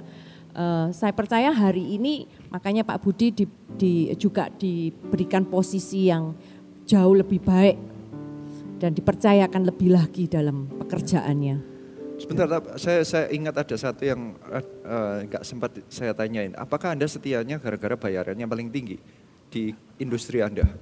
Enggak, enggak, enggak, saya enggak memikirkan masalah bayaran enggak. Pak. Nggak pernah bandingin juga ya? Enggak, enggak Tapi pernah. menurut anda pasti yang lebih paling paling tinggi apa enggak? Saya anggap gini, jadi eh, saya kerja sebaik mungkin. Otomatis kalau bos yang yang bijaksana, pasti Tuhan pimpin dia. Nah menurut Anda selama ini bos Anda bijaksana? Menurut saya bijaksana. Tapi dia sempurna enggak? Nggak ada pak orang sempurna. Nggak ada yang sempurna. Nggak, saya cuma mau ngomong bahwa karena ada orang yang ngomong dia bosku nggak bijaksana gitu loh. Maksudnya Hmm. ya selalu nyari jeleknya gitu ya loh. itu lihat lihat dulu pak yang dilihat apa kalau lihat kita bandingin masalah di lihat dari salary atau berupa uang ya pasti gitu pak. Gak pernah enough. Enggak pernah cukup. Ya. Berarti Anda setianya juga bukan karena Anda dibayarin yang terbanyak di Bukan. generasi Anda atau di industri Anda, bukan juga. ya? Bukan. Tapi hanya karena Anda mau bekerja seperti untuk Tuhan. Iya. Berbahagialah bos Anda. Ya kan benar ya. Ya. ya. Bicara soal tantangan, ini ada salah satu narasumber, ini juga mengalami banyak tantangan dalam hidupnya. Dia mungkin Pak Denny, Pak Denny mungkin bisa share ini eh, kemarin waktu kita sempat sharing dia bercerita Sudah berapa banyak tahun sekali nih kerjanya? tantangan. Ini, eh, 50 tahun? Ya. Kelihatan muda Kalau sekali. Eh, saya bekerja di perusahaan ini selama 9 tahun dan divisinya di divisi sales marketing gitu ya. Dan pertama kali masuk langsung penempatannya untuk divisi luar pulau gitu ya. Kalau divisi luar pulau ini otomatis godaannya sangat besar. Ujiannya, cobaannya sangat besar. Banyak AIPO, Temptation-nya. CIPO, Nah, gitu, keliling ya. Salah satu godaan atau cobaan di luar divisi sales luar pulau ini ini eh, mengenai entertain gitu ya. Kita di divisi sales kan tentu ada saling apa ya support dengan customer pasti ada entertain. Macam-macam entertainnya di dunia sales marketing. Ada yang sampai yang masuk ke dunia gelap kayak gitu ya, istilahnya sampai dugem kah, atau sampai minum-minuman, karaoke, terus macam-macam caranya sampai ada yang spa istilahnya gitu. Nah, kebetulan saya dimasuk divisi luar pulau ini kan otomatis keliling ke luar pulau ndak ada yang mengawasin ya gitu loh. Tapi un puji Tuhan, saya punya orang tua yang kenal sama Tuhan sudah lama, didikannya juga Orang tua lagi, wow Ya. menarik. didikannya yang saya pegang sampai saat ini yaitu mengenai kejujuran gitu loh. Karena itu yang paling penting orang tua tanamkan dalam hidup saya bahwa pokoknya kerja ikut orang jujur. gitu. Jujur itu nilainya sangat mahal gitu ya. Jadi pertama kali saya masuk kerja ya sudah saya cuma pegang prinsip saya mau kerja yang excellent, saya mau jujur, saya mau menjaga integritas dalam kehidupan gitu ya. Eh, keliling di luar pulau ini kan otomatis saya pasti tinggalnya di mes-mes yang banyak orang sales-salesnya gitu ya. Karena kita butuh saling tukar informasi di lapangan kayak gitu. Nah salesnya ini pun kan bermacam-macam karakter yang saya temuin. Itu kadang kita selesai kerja malam, kadang ngajak keluar, ayo kita minum-minum, ayo kita mau hangout malam-malam kayak gitu. Di situ tidak ada yang mengawasin gitu ya. Tapi puji Tuhan karena didikan dari orang tua itu yang saya pegang, sehingga saya bisa ada rasa damai untuk menolak. Enggak wes aku nak ngikutin aku tak di rum- di ne- mes saja aku cuma tidur gitu ya istirahat gitu. Jadi paling banter paling banyak ketika saya entertain customer paling cuma keluar makan malam gitu. Keluar makan malam selesai sudah balik lagi ke mes ya gitu. Jadi seluruh ya. ya, makanya seluruh karir Anda itu pokoknya ujung-ujungnya makan. Iya memang kelihatan ya betul betul. Saya mengerti sekarang ya. Ya, karena ya cuma itu yang bisa saya lakukan ya itu Nah loh. ya itu. ngikutin Kelihatan kelihatan Pak. Ya, mau ngikutin keinginan customer sudah pasti saya enggak bisa kayak gitu. loh. Saya sudah sampai customer itu ada yang ngecap saya, wah ini enggak bisa minum ini, percuma kamu ngejak ini. Ya sudah saya minum es teh aja kayak gitu lah. Karena minum-minum ini istilahnya adalah minuman alkohol kayak gitu ya. Nah sampai bahkan ada teman-teman sales tuh saling ini bukan pujian sih. Kalau menurut saya ini ini cemoohan mereka gitu. Mereka sampai ngomong, sudahlah kalau kamu bisa menyelewengkan Denny masuk ke dunia gelap, tak bayarin gitu loh. Jadi teman-teman itu seperti saya dibuat sayembara dalam kehidupan saya. Kamu bisa menjerumuskan dia ke masuk dunia gelap, tak bayarin. Siapa sih bisa kayak gitu loh. Aku sudah nyoba bola-balik nggak bisa kayak gitu. Dan saya cuma ingat, wah mengikut Tuhan itu kayak gini ya gitu ya maksudnya. Tapi tidak menganggap itu sebagai yang Beban. membuat saya jadi minder. Akhirnya ya sudah aku tak ikut caramu kayak gitu. Enggak tanpa di situ semakin menantang saya bahwa integritas itu penting kayak gitu ya. Saya melihat bahwa orang-orang akan melihat kita itu sebagai orang yang berbeda gitu. Meskipun dicemooh ya sudah saya jalan saya pegang prinsipnya. Saya ini bekerja ini bukan cuma dilihat orang tapi aku bekerja ini buat Tuhan kayak itu sama Pak Budi sampaikan bahwa bosku ini yang lebih utama bosku itu Tuhan kayak gitu loh. Yang menilai semua karakterku menilai kehidupanku itu cuma Tuhan jadi puji Tuhan orang-orang rumah akhirnya merelakan saya keliling luar pulau tanpa ada yang mengawasin, mereka percaya gitu dengan sebuah integritas yang saya, yang di saya, saya pegang, kejujuran kayak gitu. Mereka rela saya jalan keliling luar pulau, kadang sampai seminggu, dua minggu keliling luar pulau. Dan saya keliling kerja pun juga menjadi rileks, tidak ada beban sama sekali. Uh, gitu. Ini mirip kayak itu ya ceritanya Yusuf pernah disuruh pergi sama saudaranya itu loh yang dan Naftali atau yang siapa itu yang dia pergi terus dia ngelaporin kejelekannya uh, kokonya itu ya. Akhirnya kan keluar dalam tanda kutip cemoohan dari kokonya ya. Kadang berpegang pada integritas atau kejujuran itu mendatangkan cemoohan dari dunia ya. Hmm. karena kalau anda datang ke sana anda lebih jujur dari yang lain. Orang yang nggak jujur ini akan mencari cara supaya Anda sama dengan nggak jujurnya mereka. Kalau Anda yang paling bersih, yang lainnya belepotan, pasti diambil uh, anu mau di Anda dilemparin sekalian biar kena. Ya. Kalau semuanya kena kan kalau semuanya pakai jubah indah kayak Yusuf, saudaranya pengen Iya pasti dilemparin darah supaya sama-sama berdarah-darah semua. Biar berdosa gitu ya kan. So biarlah uh, di zaman ini ternyata ada orang yang bisa menjaga integritas. Baik itu integritas secara seksual maupun integritas yang secara bukan hanya itu aja kan, ada yang yang diceritain yang ada kecuali yang mengenai entertain. Uh, mengenai budget untuk Ah iya, ada yang biasa yang dalam tanda kutip ya yang sales-sales lakukan ketika keliling luar pulau itu ada istilahnya markup budget di penginapan kayak gitu ya.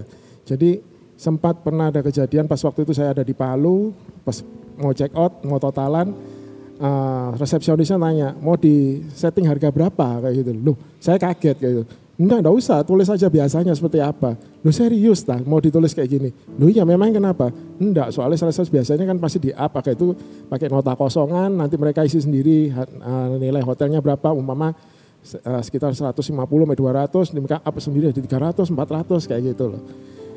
Nah, kejadian-kejadian itu semakin menguji iman saya gitu misalnya ya apa ya semakin memperkuat saya bahwa integritas itu penting kayak gitu loh. Bah, uh, kenapa sih kadang orang orang-orang yang dunia melihat ngapain kamu hidup kayak gitu gitu loh. Yang kamu dapat hasilnya apa?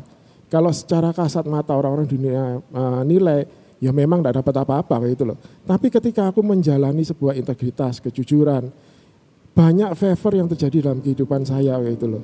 Ketika omset di perusahaan pas detik-detik terakhir last minute kita kantor setengah lima ya gitu ya. Setengah lima ini kurang dikit omsetnya, nggak nutut. Bahkan sampai pernah aku itu uh, nggak nutut, bingung mau ngapain, tiba-tiba dalam hati kok pengen menyembah gitu aja, pengen muji Tuhan gitu. Ketika muji Tuhan dan itu nangis di kantor gitu ya. Dan selesai memuji jam limaan, saya masih ingat saat itu sore jam limaan, customer tiba-tiba telepon, dan aku order ini, ini, ini, Aku cuma bingung, istilahnya orang bilang cuma melongo aja gitu. Kok bisa kayak gini ya? Kok bisa? Ya, ketika kita bekerja mengandalkan Tuhan, mujizat itu tetap terjadi dalam kehidupanku. Dan bahkan sampai akhirnya uh, terima favor demi favor, bahkan ada favor yang menurut orang-orang dunia melihat enggak, enggak, maksudnya enggak layak kamu terima, enggak, enggak sesuai kualifikasi kamu terima, aku bisa terima gitu loh. Tuhan bukakan setiap pintu yang rasanya bagi orang dunia tidak mungkin kamu bisa terima favor ini, berkat ini, tidak mungkin.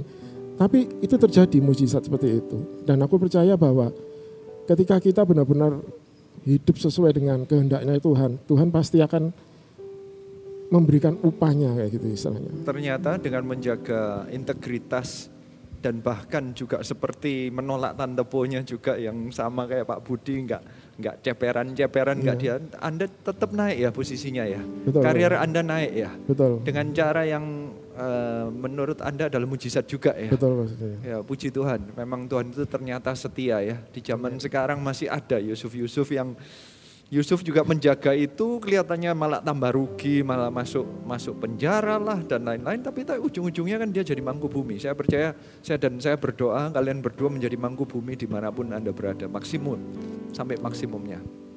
Tapi bukan hanya ini ya kan, masih ya. ada dua narasumber lagi. Thank you Dani. Thank you Pak uh, coba kalau Anda sendiri KP, Andreas KP ya, saya ngomongnya KP selalu, padahal sama-sama KP-nya ya. Ini saudara ya. Uh, coba ceritain kalau Anda juga uh, karirnya gimana nih coba? Kalau saya saya memulai kerja di perusahaan yang ini sekitar lima tahun yang lalu. Lima tahun. 2015, 2015 dan uh, selama bekerja salah satu prinsip yang saya pakai itu adalah Matius 6 ayat 33 carilah dahulu kerajaan Allah dan kebenarannya, maka semuanya akan ditambahkan kepadamu. Dan saya kena sekali waktu Ko Adrian sempat khotbah bahasa Inggrisnya, seek the kingdom of God above all else. Kata-kata above all else dan kata-kata seek. Seek itu kan mencari, tidak berhenti. Dalam melakukan apa pun kita terus cari, kita seek terus ini. Dan itu saya lakukan.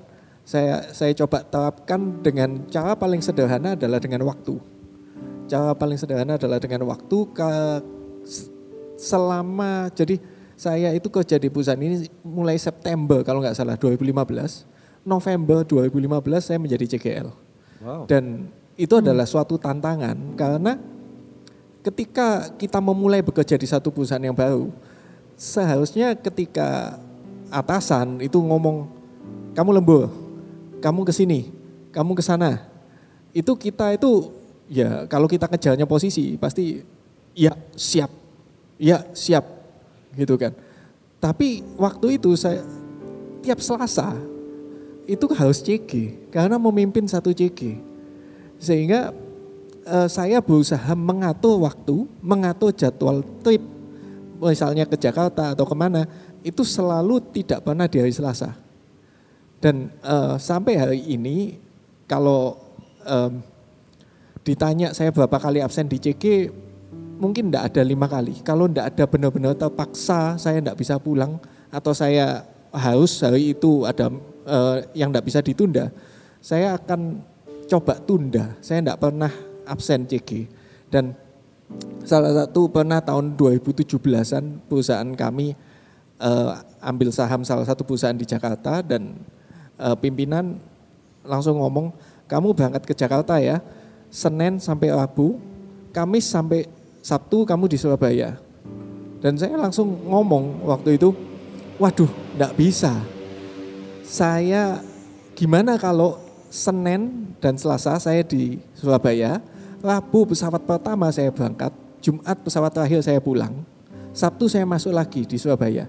Memang sepertinya aneh jadwalnya. Kayak kok malah lebih milih kecepit di tengah gitu loh. Ya. Mestinya kan enak kalau langsung sampai weekend di Surabaya. Nah, tapi saya lakukan itu dan uh, puji Tuhan kayak tadi Denny ngomong, favor demi favor itu berdatangan. Ketika kita mulai mengutamakan Tuhan di atas segalanya, Tuhan itu berikan, enggak tahu, banyak sekali ada ada customer yang uh, ada salah satu customer saya datangi di Jakarta, Waktu itu telepon dulu janjiannya, ketemunya dengan um, tangan kanannya, tangan kanannya owner, dan itu pertama kali saya ke sana. Saya ketemu dengan tangan kanannya ini ngobrol, ngobrol mungkin sekitar setengah jam, uh, dan tidak lama dia bilang begini, oh kamu tunggu di sini sebentar ya. Saya ini owner lagi ada di atas. Saya panggilkan dia untuk ketemu dengan kamu. Oh, saya juga seneng. Oh ya ketemu, tahu sendiri kalau sales ketemu owner itu susahnya gimana. Ini ketemu dengan owner ngobrol, ngobrol panjang lebar, Se dua jam ada itu. Terus kemudian terjadi transaksi, dia beli, dan beberapa minggu kemudian saya datang lagi ke Jakarta untuk ketemu dengan si tangan kanannya ini, dan tangan kanannya ini ngomong, ini sesuatu yang tidak saya bayangkan sebelumnya. Dia ngomong gini, kamu tahu enggak, kamu itu orang pertama. Yang pertama kali datang langsung saya temukan dengan owner. Dan saya ngomong, loh waktu itu ibu itu ya, seorang ibu, loh ibu tahu enggak bu, itu barang ini yang saya jual ke ibu, itu saya pertama kali jual ke ibu, saya tuh enggak ngerti barang ini, bahkan barangnya belum datang. Saya diajari oleh pimpinan saya aja enggak, saya cuman baca, saya berusaha cari tahu sebisanya Jawabannya dia sederhana. Oh iya kelihatan kok pak. Loh, tapi kenapa kok tetap ditemukan dengan Ona? Dalam hati saya tanya gitu. Dan saya percaya ini salah satunya adalah favor dari Tuhan. Ketika Tapi nggak dijawab, kenapa kok ditemukan sama Enggak, enggak dijawab. Dia dia cuma ngomong, "Bapak ini orang pertama." Ya mungkin dia sendiri juga enggak ngerti ya alasannya apa. Belas kasihan. Belas kasihan mungkin. Melihat satu orang yang datang Surabaya terus datang panas-panas gitu. Tapi kita percaya itu favor. Favor itu terus diberikan dan eh, ketika kita terus mengutamakan Tuhan dalam hidup itu enggak pernah berhenti favor dalam pekerjaan ini. Jadi em, puji Tuhan kalau sampai hari ini kita eh, saya dipercaya lebih untuk Berarti jadi posisi Anda juga naik. Nah, itu yang aneh juga. Semakin dipercaya lebih ketika CG melahirkan yang digembalakan semakin banyak, posisinya semakin diangkat. Dan eh, ketika saya mengutamakan Tuhan di atas pekerjaan, seperti Pak Budi tadi, saya berusaha untuk sepertinya bekerja untuk Tuhan. Saya berusaha excellent. Saya berusaha eh, melakukan yang terbaik, tapi dengan mengutamakan Tuhan. Jadi salah satu contoh lagi adalah banyak orang eh, mungkin bekerja sedikit overtime untuk eh, sungkan. Karena sungkan kalau posisi saya sudah segini, saya sungkan deh pulang lebih malam. Awal saya lakukan. Awal saya lakukan karena saya merasa sungkan juga dengan orang yang lebih senior. Tapi saya merasa ketika saya ada di sana itu sudah jam tidak efektif buat saya. Buat saya tidak efektif, terus akhirnya yang saya lakukan adalah, wah saya tidak bisa begini. Saya malam itu masih harus mengembalakan CG. Saya harus persiapan untuk CG, saya harus ketemu dengan keluarga dulu, saya harus eh, ketemu dengan anak-anak CG. Jadi saya putuskan, udah saya kerja, saya pulang pas jamnya, tapi pekerjaan saya harus selesai. Jadi saya berusaha ngebut itu dan itu waktu itu ya, sepertinya pekerjaan begitu banyak datang. Tapi ketika saya kerja, kayak kayak di film The Flash itu, saya sendiri yang cepat, sekitar saya itu kayak melambat. Terus tahu-tahu ya setiap hari kerjaan selesai, kerjaan selesai. Eh, ketika jam makan siang juga eh, kita makan, ya wis pokoknya makan cepet kerja lagi supaya apa? Malam bisa ketemu dengan anak-anak Ciki. Sebentar, saya rangkum. Pak, Pak Budi ini eh, tidak punya target untuk menjadi seseorang yang bukan karena uang, bukan karena posisi, menganggap seperti Tuhan juga dan ada sama kejujurannya sama Dani juga Eh, kejujuran Integritas. dipegang tinggi, integritas dipegang tinggi. Anda juga melakukannya, tapi ada sisi yang lain adalah mengenai penyelesaian tanggung jawab, benar ya? Iya. Ini berarti bukan masalah Anda spend berapa banyak waktu di kantor, tapi berapa banyak kerjaan yang Anda selesaikan. Betul. Tidak peduli di kantornya jam berapa sampai jam berapa, yang penting pekerjaannya selesai. Ya. Tanggung jawab Anda Anda selesaikan. Dan itulah definisi mengerjakan yang sebaik mungkin itu. Betul. Dan kalau Anda bisa selesaikan lebih pagi, ya Anda pulang. Dapat extra dan, time. Ya, extra time untuk menghandle CG, dan mengembalakan. Jadi kalau tambah posisi dianggap nggak bisa melayani itu mestinya nggak juga ya. Enggak juga. Ya tinggal tanggung jawabnya diselesaikan aja. Yang penting sebenarnya. menyelesaikan tanggung jawab. Oke, em, puji Tuhan.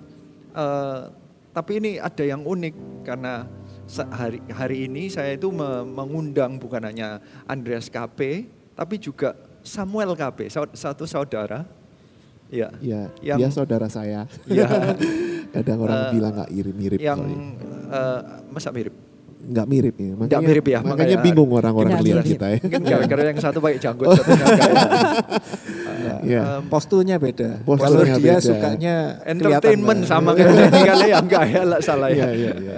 Eh, enggak kalau yang dialami oleh Yusuf adalah dia tuh iri-irian dengan saudara atau saudaranya iri terhadap Yusuf. Hmm. Tapi kalau Andreas dan Samuel ini kebalikannya. Mereka bukan saudara yang saling iri tetapi seperti saudara yang apa ya, seperti kayak mengerti tahu posisinya gitu ya kayak. Iya, iya Coba benar. ceritakan kalau Anda Anda terutama apa boleh disebutkan bahwa ini memang satu kerjaan Satu ya? kerjaan juga. Satu Ya, kerjaan betul. juga, jadi ya. Satu eh, gereja, Satu gereja, satu pelayanan.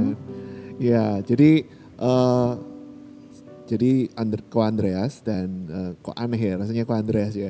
Eh, ya aneh ya gitu. Jadi Koko kebetulan Koko sama Sam itu eh, jadi satu kerjaan, satu pelayanan juga.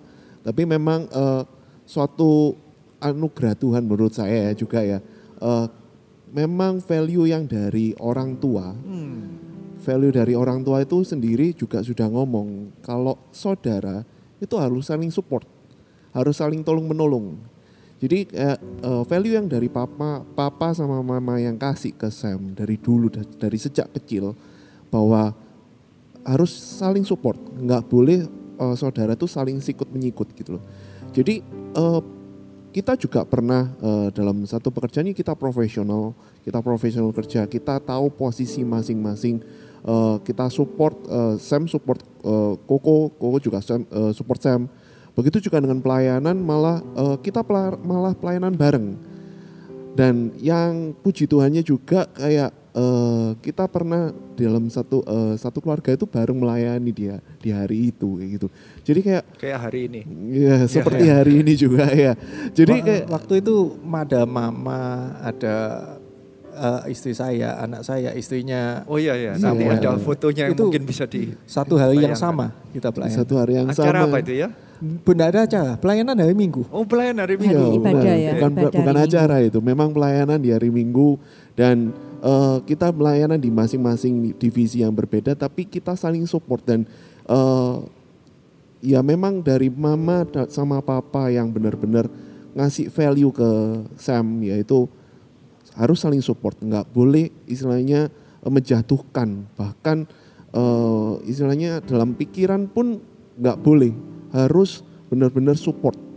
Dan eh, kayak kita pelayanan di area ini pun kayak eh, pelayanan bersama seperti ini kita tahu porsinya masing-masing.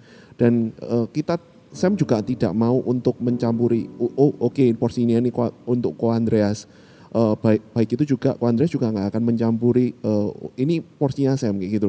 Jadi kayak benar-benar kita saling support dan begitu juga dengan adik juga kayak kita saling support kita nggak boleh ada sakit eh, sikut menyikut seperti itu sih Hmm. Tidak ada yang sikut menyikut itu ternyata pilihan karena eh, iri atau enggak itu pilihan kan. Betul.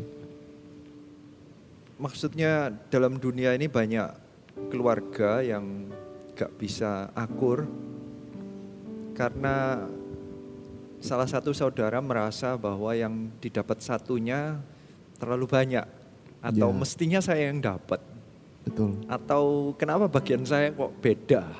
ya Uh, so saya mengucap syukur bahwa ternyata ada keluarga-keluarga yang bisa seperti yang direncanakan oleh Tuhan, ya kalau tidak iri, iya bahkan saling support ya. Kalau masalah iri sih gini, karena Sam sendiri secara pribadi itu memang pilihan, benar kalau yang ko, ko Adrian benar. Karena Sam eh, merasa bersyukur mempunyai Tuhan yang luar biasa dan setiap orang itu pasti punya favornya sendiri-sendiri, bahkan berkatnya sendiri-sendiri. Jadi kayak eh, Sam percaya kayak Koko juga punya favornya sendiri, Sam pun juga punya favornya sendiri. Yang Tuhan kasih dan Sam ngerasa buat apa iri? Karena Tuhan akan cukupkan. Kata-kata cukup itu juga kadang-kadang ya eh, kita juga harus eh, istilahnya memilih ya kan. Kalau eh, kata-kata Tuhan itu cukup bagiku dan Tuhan tuh akan kasih kayak urap favor demi favor, urapan demi urapan. Itu sih Ko. Ya, Wow. uh, tapi saya percaya Hmm. juga kalau visi sama Betul. itu sangat membantu dalam kerukunan. Karena jelas-jelasan kalau di Yusuf itu, Yusuf ceritakan mimpinya, saudara-saudaranya malah menghina. Berarti nggak sevisi. Betul. Iya, iya. Mereka punya point of view yang lain, bayangannya lain. Salah satu kunci pertama adalah Yusuf dapat jubah maha maha indah. Itu adalah visinya papanya yang tidak disetujui oleh saudaranya. Dianggap bahwa Yusuf ini masih muda kok dapat jubah yang lebih baik. Sebenarnya itu eh, kata-kata Yakub untuk berkata kamu nanti akan tak jadiin pemimpin gitulah kayaknya hak kesulungan ke Yusuf di saat itu generasi itu Iya. tapi saudaranya nggak sevisi. Makanya Yusuf ngomong apa pun, ngomong mimpi, malah diketawakan. The dreamer, tukang mimpi. Malah uh, saya percaya karena kalian satu visi, visi mengenai Tuhan, visi mengenai hidup. Pelayanan itu apa, bagaimana melayani Tuhan, firman Tuhannya itu sama. Itu mem, apa ya, membuat dasar-dasar untuk tidak terjadi perselisihan itu makin besar ya. Iya, makin betul. makin simple, makin gampang, makin mudah karena satu visi. Benar. Ya. ya, kita juga waktu kalau istirahat kerja uh, kalau saya lagi ngomong sama Koko juga bahkan tidak ya. ngomong uh, saya inginnya seperti ini, saya ingin punya ini, saya malah Nggak, tidak bilang kita seperti itu. Kita ngomongkan tentang oh saya mau liburan ke sini, saya mau ke sini. Enggak, padahal setiap hari ketemu setiap hari ketemu. Jadi kita Terus yang diomongin apa? Yang ngomong masalah visi tentang gereja, apa yang mau disampaikan di CG, bagaimana berarti, kalau yang CG. sekarang berarti gimana caranya ngomongin anu ya, apa topical discussion living berikutnya. Iya, iya benar. Gimana uh, cara topical discussion berikutnya. Wow, luar biasa. Eh, ada sesuatu yang menggelitik hati saya. Uh, kalau dilihat dari Yakub ada per, membedakan ya kan terhadap Yusuf itu membedakan. Apakah hal ini eh, bagaimana dengan orang tua kalian? Apakah ada anak favorit dalam keluarga kalian? Oh, kalau mungkin yang anak kedua mungkin yang jawab itu. Tidak ada sih. Jadi mem mama memang mengasihi semua anak-anak pada porsinya masing-masing juga. Jadi semua dikasihin. Jadi enggak uh, bukan mengasihani ya, tapi mengasihi ya. Jadi yeah. Iya. uh, benar-benar Porsi untuk makanan apakah sama? Uh, porsi beda, makan kelihatannya beda, beda, beda pasti kan? beda ya. pasti beda ya kan. Uh, dulu nggak kenal McD uh, eh, sebutin sponsor jadinya. Jadi enggak jadi uh, dulu nggak tahu fast food. Jadi saya tahu fast food ya. Mungkin bedanya cuma di situ aja ya. Iya, iya. jadi cuma uh, kayak mungkin kalau bagi bagi saya secara pribadi uh, puji Tuhan orang tua saya tidak tidak ada namanya anak favorit. Anak favorit iya, ya. Betul. Tidak Karena ada sama sekali. Ya, Papa saya... sama mama itu dari dulu itu satu suara. Oh. Um, Mama memang seperti juru bicaranya keluarga yang lebih banyak cerita ke kita, bukan lebih banyak cerita, lebih banyak ngomongkan policy, value dan uh, arahan keluarga. Tapi kita tahu apa yang keluar dari mama itu juga keluar dari papa. Kita tidak perlu mempertanyakan, oh jangan-jangan kalau saya ke papa ini beda lagi. Enggak. Kita sudah tahu dari kecil bahwa apa yang keluar dari mama itu juga dari papa. Mereka sudah hmm. ngomongkan ini sebelumnya. Ternyata oh. uh, penting sekali peran orang tua ya, dan semua yang di sini mendapatkan iya. pesan-pesan ya. dari orang tua yang baik dan saya mengucap syukur untuk orang tua yang bisa memberikan nasihat-nasihat yang sesuai firman Tuhan yang ya. Nah itu tapi tergantung pilihan anak-anaknya. Apakah mereka mau ngambil itu sama kayak kita semua? Apakah kita mau ngambil firman Tuhan itu dan kita jalankan atau tidak? So, ini sifat-sifat Yusuf masih ada yang sebenarnya mesti dipertanyakan tetapi waktunya sudah habis. Waktunya sudah habis. Uh, saya simpulkan aja ya. Ya, Pak Adrian bisa menyimpulkan dan mendoakan buat uh, Sekali lagi bagi saya, Yusuf adalah seorang yang berhasil dalam kehidupannya karena ada pembapaan yang membawa firman Tuhan, pengenalan akan Tuhan yang dia bawa di seluruh kehidupannya sehingga melalui penderitaan apa pun, melalui pencobaan apa pun, firman Tuhan itu yang membawa mereka tetap mendekat kepada Tuhan dan tidak menjauh. Anda tadi lihat dari semua narasumber ini mereka melaluinya, mereka punya pegangan dalam kehidupannya. Semuanya dasarnya dari firman Tuhan. Entah itu melayani bos seperti melayani Tuhan, misalnya bukan melayani manusia. Kejujuran, integritas, mengatur waktu seperti untuk melayani Tuhan, segala segenap hanyanya untuk Tuhan dahulu, tapi menyelesaikan tanggung jawab, tidak ada iri-irian, uh, itu kayaknya harus kita pelajari. Saya percaya di luar sana banyak orang yang Tuhan mau berkati, tapi banyak yang tidak memilih untuk mendekat kepada Tuhan atau tidak menjaga firman Tuhan. Saya rindunya kalian belajar dari para narasumber ini. Mereka belajar untuk memegang firman Tuhan di masa apa pun. Dan sama seperti Yusuf, sama seperti mereka, ada porsi kasih karunia Tuhan. Melalui apa pun ujung-ujungnya Tuhan itu baik. Tuhan nanti akan muncul, entah itu nanti omset yang dipenuhi di saat-saat terakhir. Yes. Entah itu keluarga yang diberkati yang bisa melayani bersama. Entah itu yang kesedi, ke, kesetiaan bosnya juga untuk selama 25 tahun kepada Anda ya. Kayak semuanya itu nanti ujung-ujungnya Tuhan bisa atur terbaik. Bahkan ada ayat yang mencakup itu semua. Bagi saya ayat itu luar biasa. Yang di Roma ya, Roma 8 ayat 28 ya. 28 atau 38? 28. Kita tahu sekarang bahwa Allah turut bekerja dalam segala sesuatu untuk mendatangkan kebaikan bagi mereka yang mengasihi Dia, yaitu bagi mereka yang dipanggil sesuai dengan rencana Allah. Saya percaya para narasumber ini adalah orang-orang yang dipanggil oleh Tuhan sesuai rencana Allah. Amen. Dan dalam kehidupan mereka, saat mereka Ya, berpegang Jesus. kepada Tuhan, ujung-ujungnya mendatangkan kebaikan atas kehidupan mereka.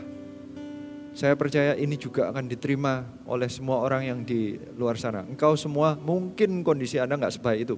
Mungkin Anda merasa Anda menjadi budak sekarang. Mungkin Anda merasa Anda masih dipenjarakan sekarang. Entah itu penjarakan hutang, Anda sedang diperbudak dengan masalah. Tetapi Tuhan bisa balikkan itu semua. Bisa mendatangkan kebaikan loh. Asal Anda tetap berpegang kepada Tuhan. Sekarang saya mengundang kita semua. Kita menyembah satu lagu dulu. Kita mengundang hadirat Tuhan dan saya rindu mendoakan semuanya untuk menerima berkat Yusuf atas kehidupan Anda. Yes. Shikaralapa karalapa shikaralapa. Kiralapa karalapa shikaralapa. Mau sepertimu Yesus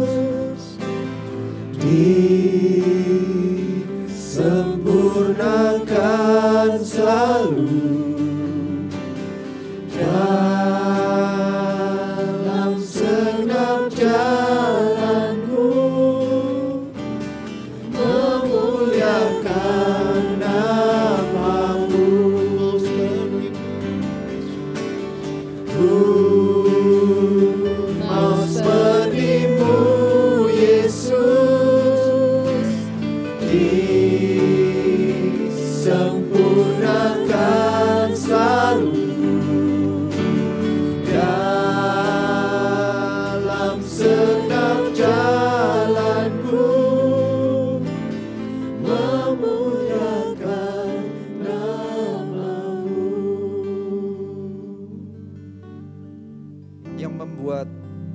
adalah seseorang yang luar biasa adalah seseorang yang bisa menghadapi banyak tantangan. Tantangan yang mungkin melebihi daripada ya apa yang kita pernah bayangkan. Menjadi budak, difitnah, dijual oleh saudaranya sendiri no less. Bahkan pernah dipenjarakan padahal dia nggak bersalah. Sepertinya Yusuf adalah seseorang yang menjadi korban dari kondisi, korban dari keadaan. Tetapi Yusuf selalu memilih untuk mendekat firman Tuhan. Saya percaya itu adalah karena Tuhan sejak awal mudanya memakai Yakub dan memakai masa muda Yakub untuk menanamkan visi Allah, mimpinya dalam hidup kehidupan Yusuf. Sehingga di titik yang tergelapnya, saat dia harus menutup mata, dia masih teringat akan mimpinya Tuhan. Sehingga saya percaya kalau dia ingat mimpi itu, dia tahu bahwa kalau Tuhan berikan aku mimpi ini dan mimpi ini belum terjadi, berarti hidupku belum selesai di tempat ini. Berarti besok pagi dia masih bisa tersenyum dan berkata, aku masih punya pengharapan. Aku mau berjalan lagi sampai visi Tuhan itu terjadi dalam kehidupanku. Dan biarlah kalau sekarang banyak orang yang sedang mengalami sepertinya di masa-masa mungkin dimasukkan tertekan oleh sekeliling, diiri oleh sekeliling. Anda merasa bahkan dimasukkan ke dalam satu eh, sumur yang kering, Anda cuma bisa melihat ke atas, biarlah engkau melihat mimpi dari Tuhan. Engkau mau dipakai Tuhan lebih luar biasa lagi. Tuhan mau pakai engkau menjadikan semua bangsa murid Yesus. Engkau mau dipakai Tuhan. 2030, 300 gereja, 300 ribu murid. Engkau mau dipakai Tuhan. Biar ada visi Tuhan yang engkau tangkap. Ini menjadi mimpi bagi engkau. Saat engkau nanti sudah terjual, engkau menjadi budak, engkau di ruangan yang terpencil, engkau nggak ada orang yang suka pada engkau, engkau bingung apa ini tujuan kehidupanmu. Biarlah engkau ingat visi Allah atas hidupmu. Kalau engkau masuk di penjara yang tergelap, engkau sudah nggak ada, sepertinya masa depanmu kok suram ya. Biarlah engkau menutup mata dan melihat ke atas lagi dan engkau lihat dan engkau ingat mimpi Tuhan, visi Tuhan atas kehidupanmu. Seperti Yusuf, ada sesuatu yang dia pegang selalu. Mimpi atau visi yang dari Tuhan itu. Itu yang membuat dia hidup melewati setiap masalah dia bisa lewati. Ada pengharapan lagi, dia bangkit lagi besok paginya, dia punya pengharapan lagi. Besok paginya ada lagi karena dia merasa ada sesuatu yang besar yang akan Tuhan lakukan dalam kehidupanku. Dan saya percaya setiap Anda pun mau dipakai Tuhan dengan besar. Saat ini juga tutup matamu. Saya mau berdoa untuk Anda. Tuhan, hamba berdoa. Biar ada visi kerajaan Allah yang Tuhan taruh dalam hidup mereka setiap mereka ada mimpi engkau lihat saat ini. Tuhan mau pakai engkau untuk menyelamatkan banyak bangsa. Menyelamatkan keluargamu. Tuhan mau pakai engkau untuk membawa pulang keluargamu mendekat kepada Tuhan. Untuk tinggal tetap dan menikmati semua persediaan Tuhan yang disediakan untuk engkau dan keluargamu. Engkau sudah mencicipinya sekarang. Tapi ini saatnya untuk engkau berangkat dan menjemput saat ini hamba berdoa ada visi ini yang ada di dalam benak mereka. Oh sekarang mungkin ada kelaparan. Mungkin ada masalah yang mendekati engkau. Mungkin ada penjara yang mengungkung engkau. Mungkin ada posisi yang menjebak engkau sepertinya ter, diperbudak. Tetapi saya percaya jika engkau tetap berpegang pada visi Tuhan. Nanti oleh Tuhan segalanya akan dibuat untuk menjadi mendatangkan kebaikan dalam kehidupanmu. Hari ini Biar ada mimpi dan visi Tuhan yang nempel dalam kehidupan Anda. Visi untuk menyelamatkan jiwa itu nggak pernah meninggalkan engkau. Ini yang membuat kau bangun setiap hari untuk berkata, Tuhan pakai hidupku. Sekali lagi, aku mau bekerja sebaik mungkin seperti kepada engkau. Aku nggak peduli orang lain mau iri sama saya, orang lain mau mencemooh saya, saya mau tetap menjaga integritas. Karena aku hanya kepada Tuhan, tanggung jawabku kepada Tuhan. Aku akan menyelesaikan tanggung jawabku. Aku nggak akan iri kepada orang lain karena aku tahu Tuhan akan baik padaku. Tuhan yang akan mendatangkan kebaikan padaku. Yang penting aku sekarang sama Tuhan oke. Okay. Dan saat ini juga saya mau berdoa. Tambah-tambahkan pengharapan yang baru bagi orang-orang yang mengalami masalah saat ini. Visi Tuhan itu makin nyata. Dan saya percaya nanti ujung-ujungnya semuanya akan menerima berkat Tuhan. Terimalah. Nanti urapan Tuhan, keretanya dan bekalnya akan diberikan kepada Anda. Kalau engkau nangkap visi Tuhan, engkau jalankan aja ujung-ujungnya nanti engkau akan melihat apa yang terjadi. Tuhan akan buat cerita ini seperti ceritanya Yusuf. Nanti 20 tahun ke depan Anda menoleh ke belakang dan berkata, oh Tuhan itu luar biasa ya. Puji Tuhan, aku itu nempel sama Tuhan. Dan saat ini hamba berdoa, tidak ada satupun yang lepas. Tidak ada satupun yang luput. Semuanya tetap nempel sama Tuhan. Semuanya tetap teringat dan menempel sama mimpi Tuhan. Jadikan mereka semua seperti Tuhan Yesus Kristus. Mari kita menyanyikan lagu sekali lagi. Mau sepertimu Yesus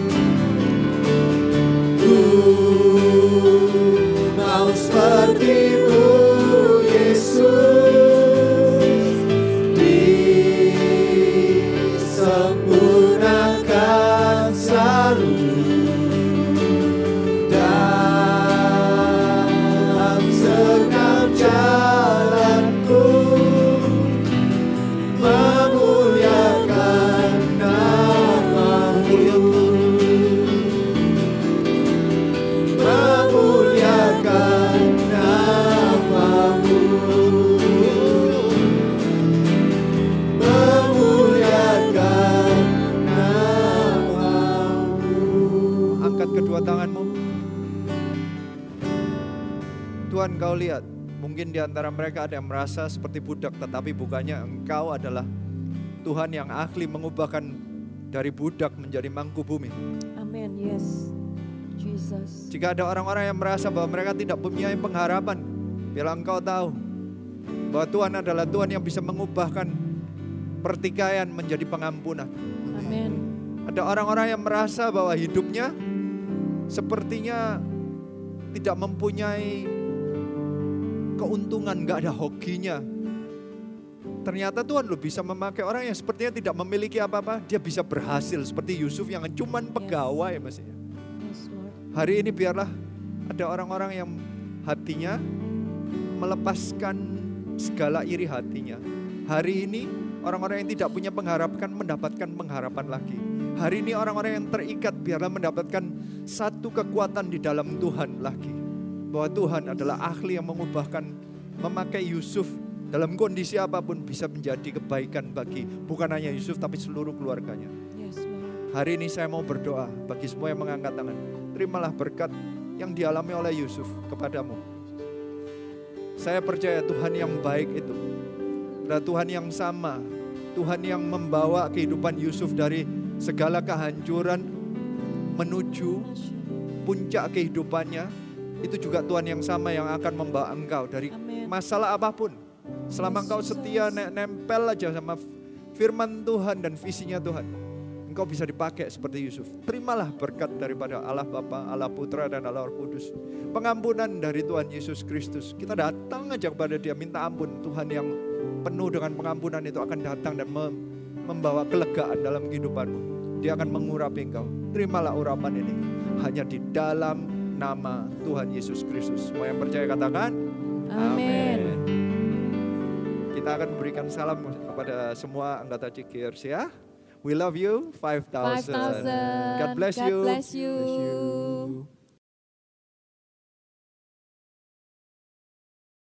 Bersyukur dengan pekerjaan Roh Kudus yang luar biasa, begitu banyak kesaksian lewat Living Bible yang sudah kita lalui Ya, luar bersama. biasa. Luar biasa pekerjaan Roh Kudus. Kami bahkan tidak pernah memikirkannya, tapi itu terjadi dalam kehidupan uh, cegiers-cegiers mengalami mujizat, mengalami janji-janji Tuhan. Dan eh, ada perubahan karakter juga terjadi. Demikian juga dengan pekerjaan Roh Kudus memberikan rema, pewahyuan yang luar biasa yang melalui template-template bahkan eh, sudah ada juga template-template dalam berbagai bahasa, ada dalam bahasa Chinese, dalam bahasa eh, Jerman, dalam bahasa French, dalam bahasa Jepang, Korea, dalam bahasa eh, Bahasa apalagi Jawa. bahasa Jawa. Wow, English juga luar biasa pekerjaan Roh Kudus. Eh, kami percaya bahwa The Living Bible ini akan membuat setiap kita semakin mengenal Tuhan, semakin mencintai Tuhan, dan semakin melekat dengan Tuhan. Dan berikutnya kita akan belajar mengenai Musa. Musa ini seseorang yang menandakan eh, orang yang startnya pernah gagal, tetapi Tuhan bisa pakai dia lagi. Dia sepertinya berubah karier dua kali dan Tuhan tetap bisa pakai. Dia adalah orang yang luar biasa dalam kehidupannya mengalami mujizat demi mujizat. Ternyata Tuhan itu bisa memberikan kesempatan kedua kepada orang yang pernah gagal dan Tuhan tetap urapi dengan luar biasa. Musa adalah seseorang yang menjadi pemimpin yang membawa eh, banyak kehidupan orang berubah mendekat kepada Tuhan dan ternyata itu masalah eh, umur juga tidak pengaruh orang yang bisa dipakai Tuhan dengan segala luar biasanya dan saya percaya Anda akan diberkati saat kita akan membaca mengenai Musa.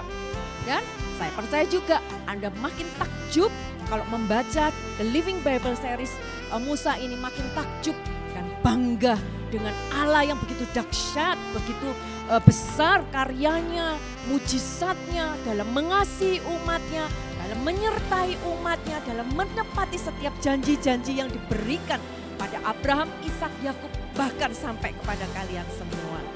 Dan kita akan memulai untuk series Ada Apa Dengan Musa mulai dari 21 Oktober sampai dengan 3 November.